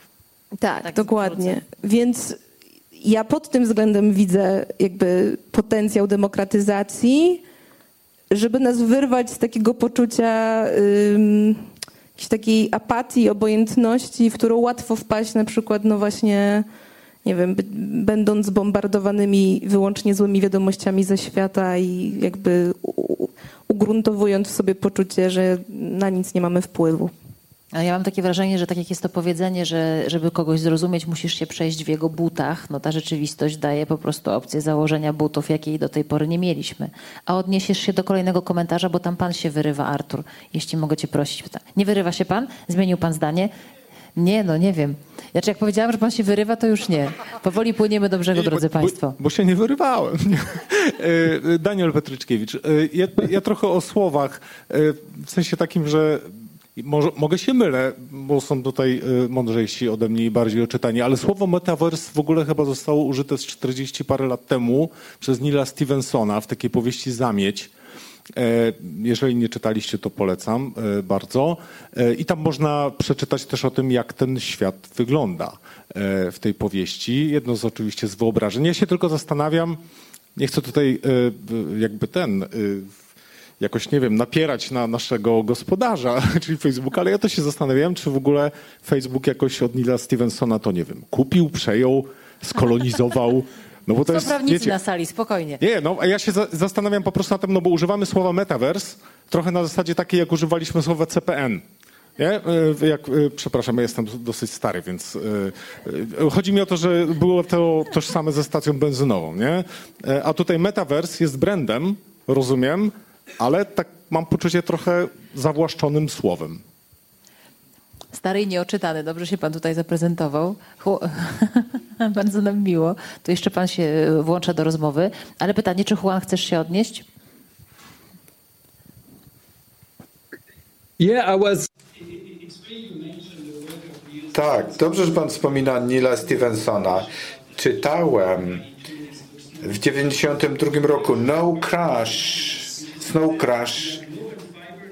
Jesteśmy siecią cyfrowych headsetów i światłowodów. Tam się to narodziło, ale trochę brakowało tego konturu, zarysu.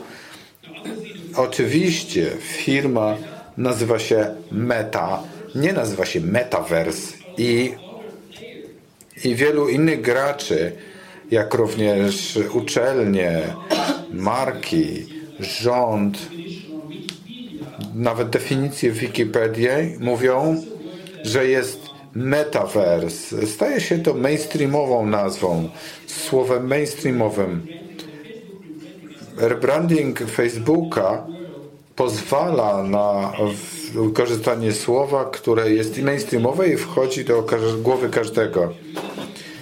Meta, społeczność w całej Europie, ci, którzy budują, wstrząsają tym światem, są entuzjastami. Wielu z nich w interakcjach zgadza się ze mną, było przed rebrandem i po rebrandzie Facebooka na Meta. Sam fakt, że ten rebrand był tak bardzo mocno obecny w mediach, pozwolił tej technologii, a popatrzmy na ilość inwestycji, które wchodzą w VR, IR, technologie imersyjne, potworzyły się przez ostatnie 4 lata, pomagając całej branży się rozwinąć, stać się rzeczywistością do takiego etapu, że coraz więcej firm wskazuje na metaversum jako na specjalistów, reprezentantów, przedstawicieli. To jest jedna z najbardziej poszukiwanych prac pośród firm. Zawłaszczenie niekoniecznie, wulgaryzacja, promocja dla dobra e, branży i wizji, tak. Na komentarz i, i powoli ten statek nasz cumuje. E, działa, działa. Dziękuję bardzo. E, ja mam na imię Łukasz. Jestem prawnikiem. Mówiłam, że są prawnicy na sali.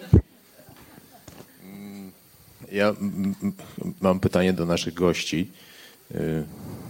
Jeszcze zanim, zanim to pytanie zadam, to chciałbym się może podzielić jakąś moją refleksją, ale, ale dobrze, na początku zadam pytanie. Czy nie mają Państwo wrażenia, że to, bo ja takie wrażenie posiadam, to, o czym my dzisiaj mówimy, to jest prawie dokładnie to samo. Ja jestem już chyba wystarczająco stary, żeby móc to powiedzieć. Jak kiedy rozmawialiśmy o tym, jak powstawał internet, ja, ja pamiętam takie panele dyskusyjne, takie podobne jak te, i tam mówiono, to będzie fantastyczne dla edukacji. To pozwoli otworzyć nowe drogi dla osób niepełnosprawnych. Będą mogli czatować. To będzie doskonałe dla poszerzenia horyzontów naszej młodzieży. Skończyliśmy generalnie z pornografią. Ktoś powie z piractwem, chociaż ja akurat uważam, że to piractwo to jest trochę przesadzony termin, bo w prawie jest takie pojęcie jak dozwolony użytek prywatny. Ale generalnie rzecz biorąc, rozmawialiśmy wtedy o pewnych plusach, natomiast generalnie skończyło się na minusach. Czy to jest już pytanie? Właśnie jeszcze nie. Bo jak słucham Państwa, ja na przykład, ja na przykład miałem przyjemność, chociaż nie wiem czy przyjemność, trudno mi powiedzieć, ja wpuszczaliśmy do metaversu pierwszą dużą instytucję finansową. I, i zrobiliśmy to. I, i słyszeliśmy tam dużo powodów, dla którego to się dzieje, dlaczego ta instytucja do tego metaversum wchodzi.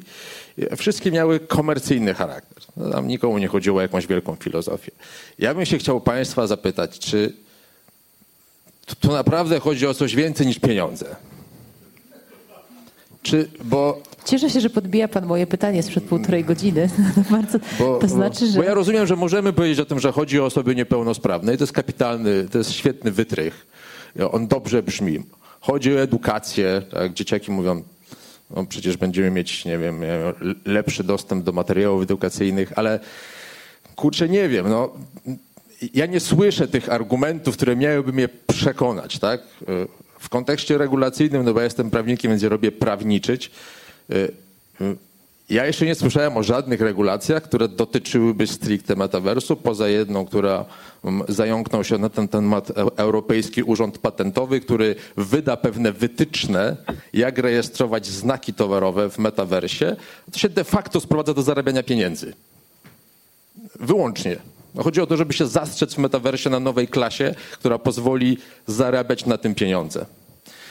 Unia Europejska nie ma jeszcze pojęcia, jak to regulować, ale dla pocieszenia powiem, że się tym na razie chyba nie będzie kompletnie zajmować. Dlaczego? Bo ma totalnie większe problemy w kontekście regulacyjnym, bo właśnie wydała z siebie akt o sztucznej inteligencji i to jest dużo większy problem niż cały metaverse. Metaverse jest na razie pewnie traktowany jako nowy interfejs, tak jak kiedyś były strony internetowe, tak teraz jest metaverse. Więc jeszcze żadnych regulacji nie ma i myślę, że one się szybko nie pojawią. Co więcej, ja bałbym się świata, w którym pojawiają się regulacje wcześniej niż technologia. Ja bym się takiego świata absolutnie bał. Ja już wolę świat, w którym my jesteśmy z tymi regulacjami spóźnieni. Ja, ja mam pytanie do naszych gości. Czy wy nie czujecie pewnej, pewnej powtórki z rozrywki? Jakbyście tak mieli szczerze powiedzieć, no dobra, to, to, to, to, będzie dużo więcej korzyści niż dolegliwości z punktu widzenia powstania tego metaversu. Tak będzie, czy tak nie będzie? Czy to po prostu będzie kapitalna zabawa w robienie coraz większej ilości pieniędzy na absolutnie coraz większej ilości danych, no bo te dane muszą na czymś stać, tak? Więc będą stały na chmurze. No, nie bez kozery jest tak, że ci, którzy robią dzisiejszy metaverse, czyli ten duży metaverse, to są między innymi dostawcy hyperscalerowych usług chmurowych. Więc oni na tym naturalnie zarobią. To ja powiem tak, panie Łukaszu, tak? Pan Łukasz? Tak. Muszę się zachować tutaj, jak przystało na y, totalitarną prowadzącą i pozwolę sobie to pytanie pozostawić jako pytanie nieco retoryczne, bo chciałabym Państwu przypomnieć, że to spotkanie ma tytuł Po co nam metaversum, a nie po co nam metaversum, czyli po nic i jakby podważmy jego ideę. Nie chciałabym, żebyśmy poszli w tę stronę tą rozmową, a mam takie poczucie, nie wiem, czy Państwo się ze mną zgodzą, że te wątki, które Pan poruszył, również ten wątek finansowy, już dzisiaj rozkładaliśmy na czynniki pierwsze. Więc, Arturze? Ja tylko szybko odpowiem tak na Pana pytanie. Dziękuję. A ja bardzo dziękuję. To jest, Ale też, żeby nie było wątpliwości, ja nie jestem, ja, ja, ja nie uważam, że metaverse jest czymś złym. Ja tylko uważam, że czasami po prostu trzeba jakby uderzyć mówiąc brutalnie, jest takie piękne powiedzenie zupełnie szczerze, tak jak można było powiedzieć Ale coś to jest niezupełnie super szczerze. i bardzo dobrze, że pan się tak tutaj przed nami otworzył i my też jakby mamy takie, ja mam takie poczucie, nie wiem jak państwo, ale mam takie poczucie, że dzisiaj wszyscy uczestnicy tej rozmowy spojrzeli na temat i Juan, i Artur, i Zuza w sposób z różnych stron i bardzo szczery. I chciałabym zakończyć to spotkanie jednak nie pytaniem o pieniądze wbrew pozorom, bo jesteśmy ludźmi i poza tym, że lubimy mieć pieniądze, to lubimy też robić parę innych rzeczy, na przykład się bawić. I teraz e, zamykając tę część, bo dzisiaj padło bardzo wiele ważnych zdań. Demokracja, e, osoby nie, gdzieś tam pomijane, uprzywilejowane czy nieuprzywilejowane.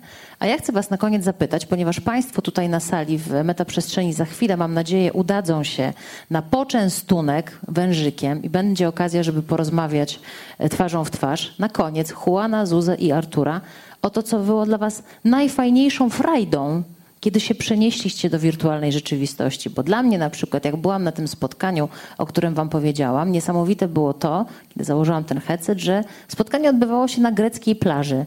A ja strasznie lubię greckie plaże. I może na pytanie po co, możemy sobie też odpowiedzieć for fun. Juan?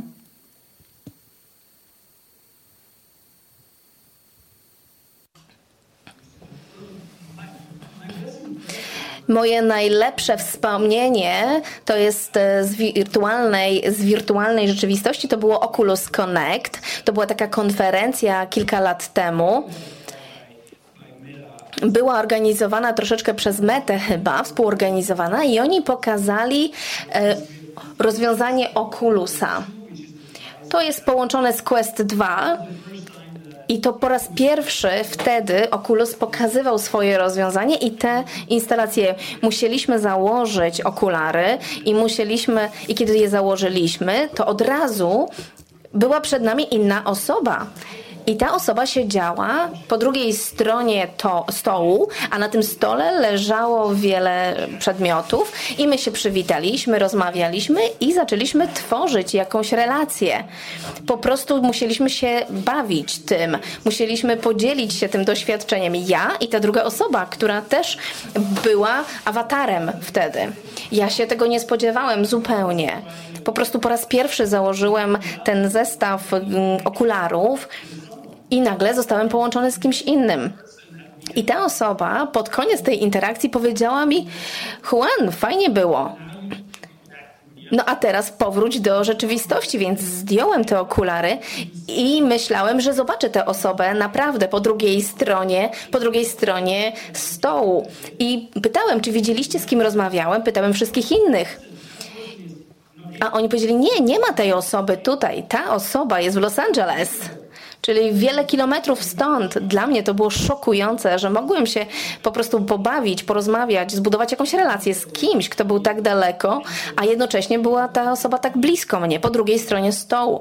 I po, pomyślałem, że ta technologia jest niesamowita. Może zmienić sposób, w jaki ludzie ze sobą rozmawiają, w jaki budują relacje. To było moje najlepsze doświadczenie. Sztuką? Wejście przez portal do świata sztuki? Mm, tak, ze sztuką, e, ale no też na pewno z, drugą osobą, bo ja się absolutnie zgadzam z tym, że dla mnie to też było y, niesamowite trochę doświadczenie pod tym względem, że wcześniej miałyśmy serię rozmów z Anną na Zoomie, a później spotkałyśmy się w Muzeum Innych Rzeczywistości, y, właśnie w VR-ze. Mm, jakby Anna oprowadzała mnie po tym muzeum jako kuratorka. Ja naprawdę miałam wrażenie, no, że jakby chodzimy razem po muzeum i ona mi opowiada o różnych dziełach sztuki. Więc to z jednej strony, a z drugiej rzeczywiście interakcja ze sztuką, która może wejść na zupełnie inny poziom. Ja zaczynam swój tekst od przygody, jak sobie fru, fruwałam wokół rzeźby takiej kilkunastometrowej instalacji i mogłam wlecieć w jej środek i oglądać ją od każdej możliwej strony i potem rzeczywiście tak do mnie dotarło, że mm, ja jako odbiorczyni sztuki mogę się postawić w zupełnie nowej pozycji, od zupełnie innej, czy właściwie od każdej strony dzieło sztuki oglądać. I już ostatnia rzecz, ja jestem takim dziwnym człowiekiem, który lubi oglądać, przyznaję się, e, na przykład relaksuje mnie taki mokry piasek krojony nożem i takie dziwne rzeczy.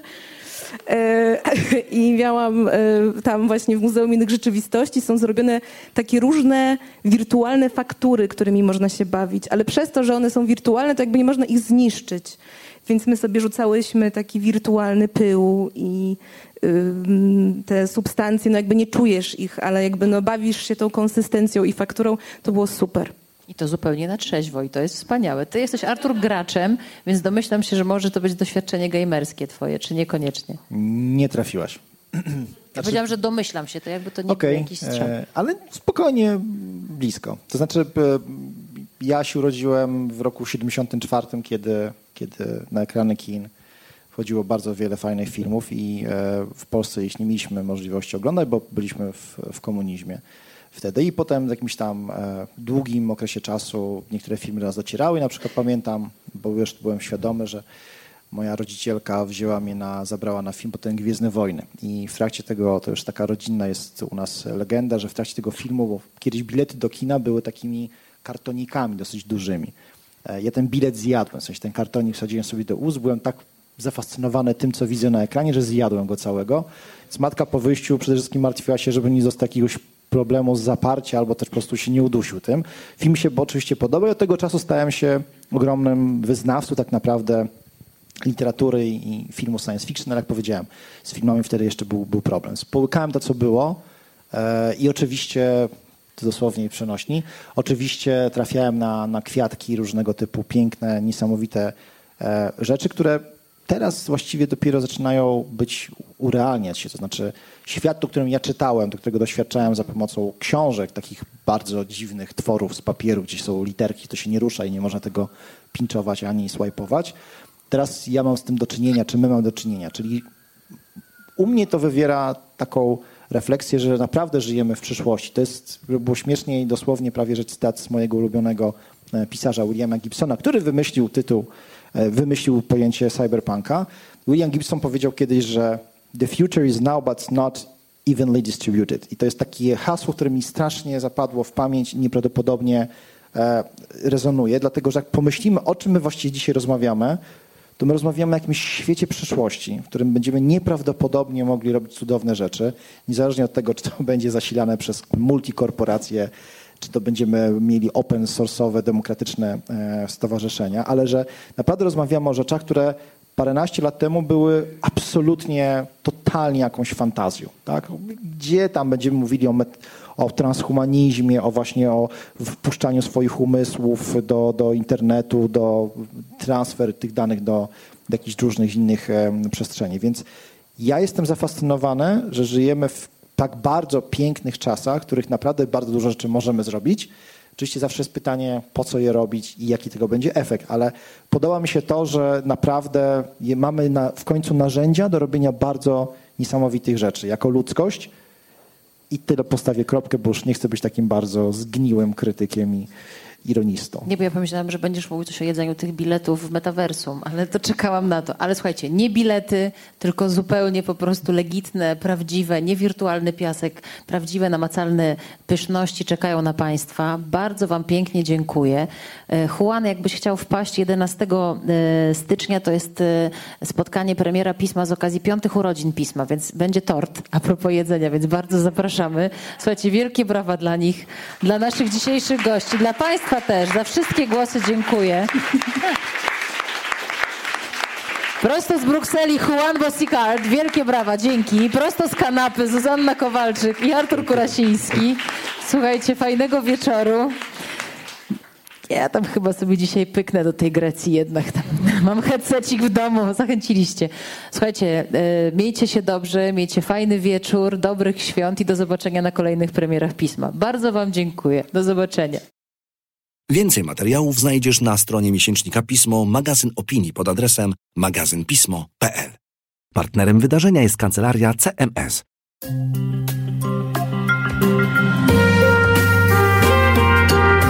Pismo. Magazyn opinii.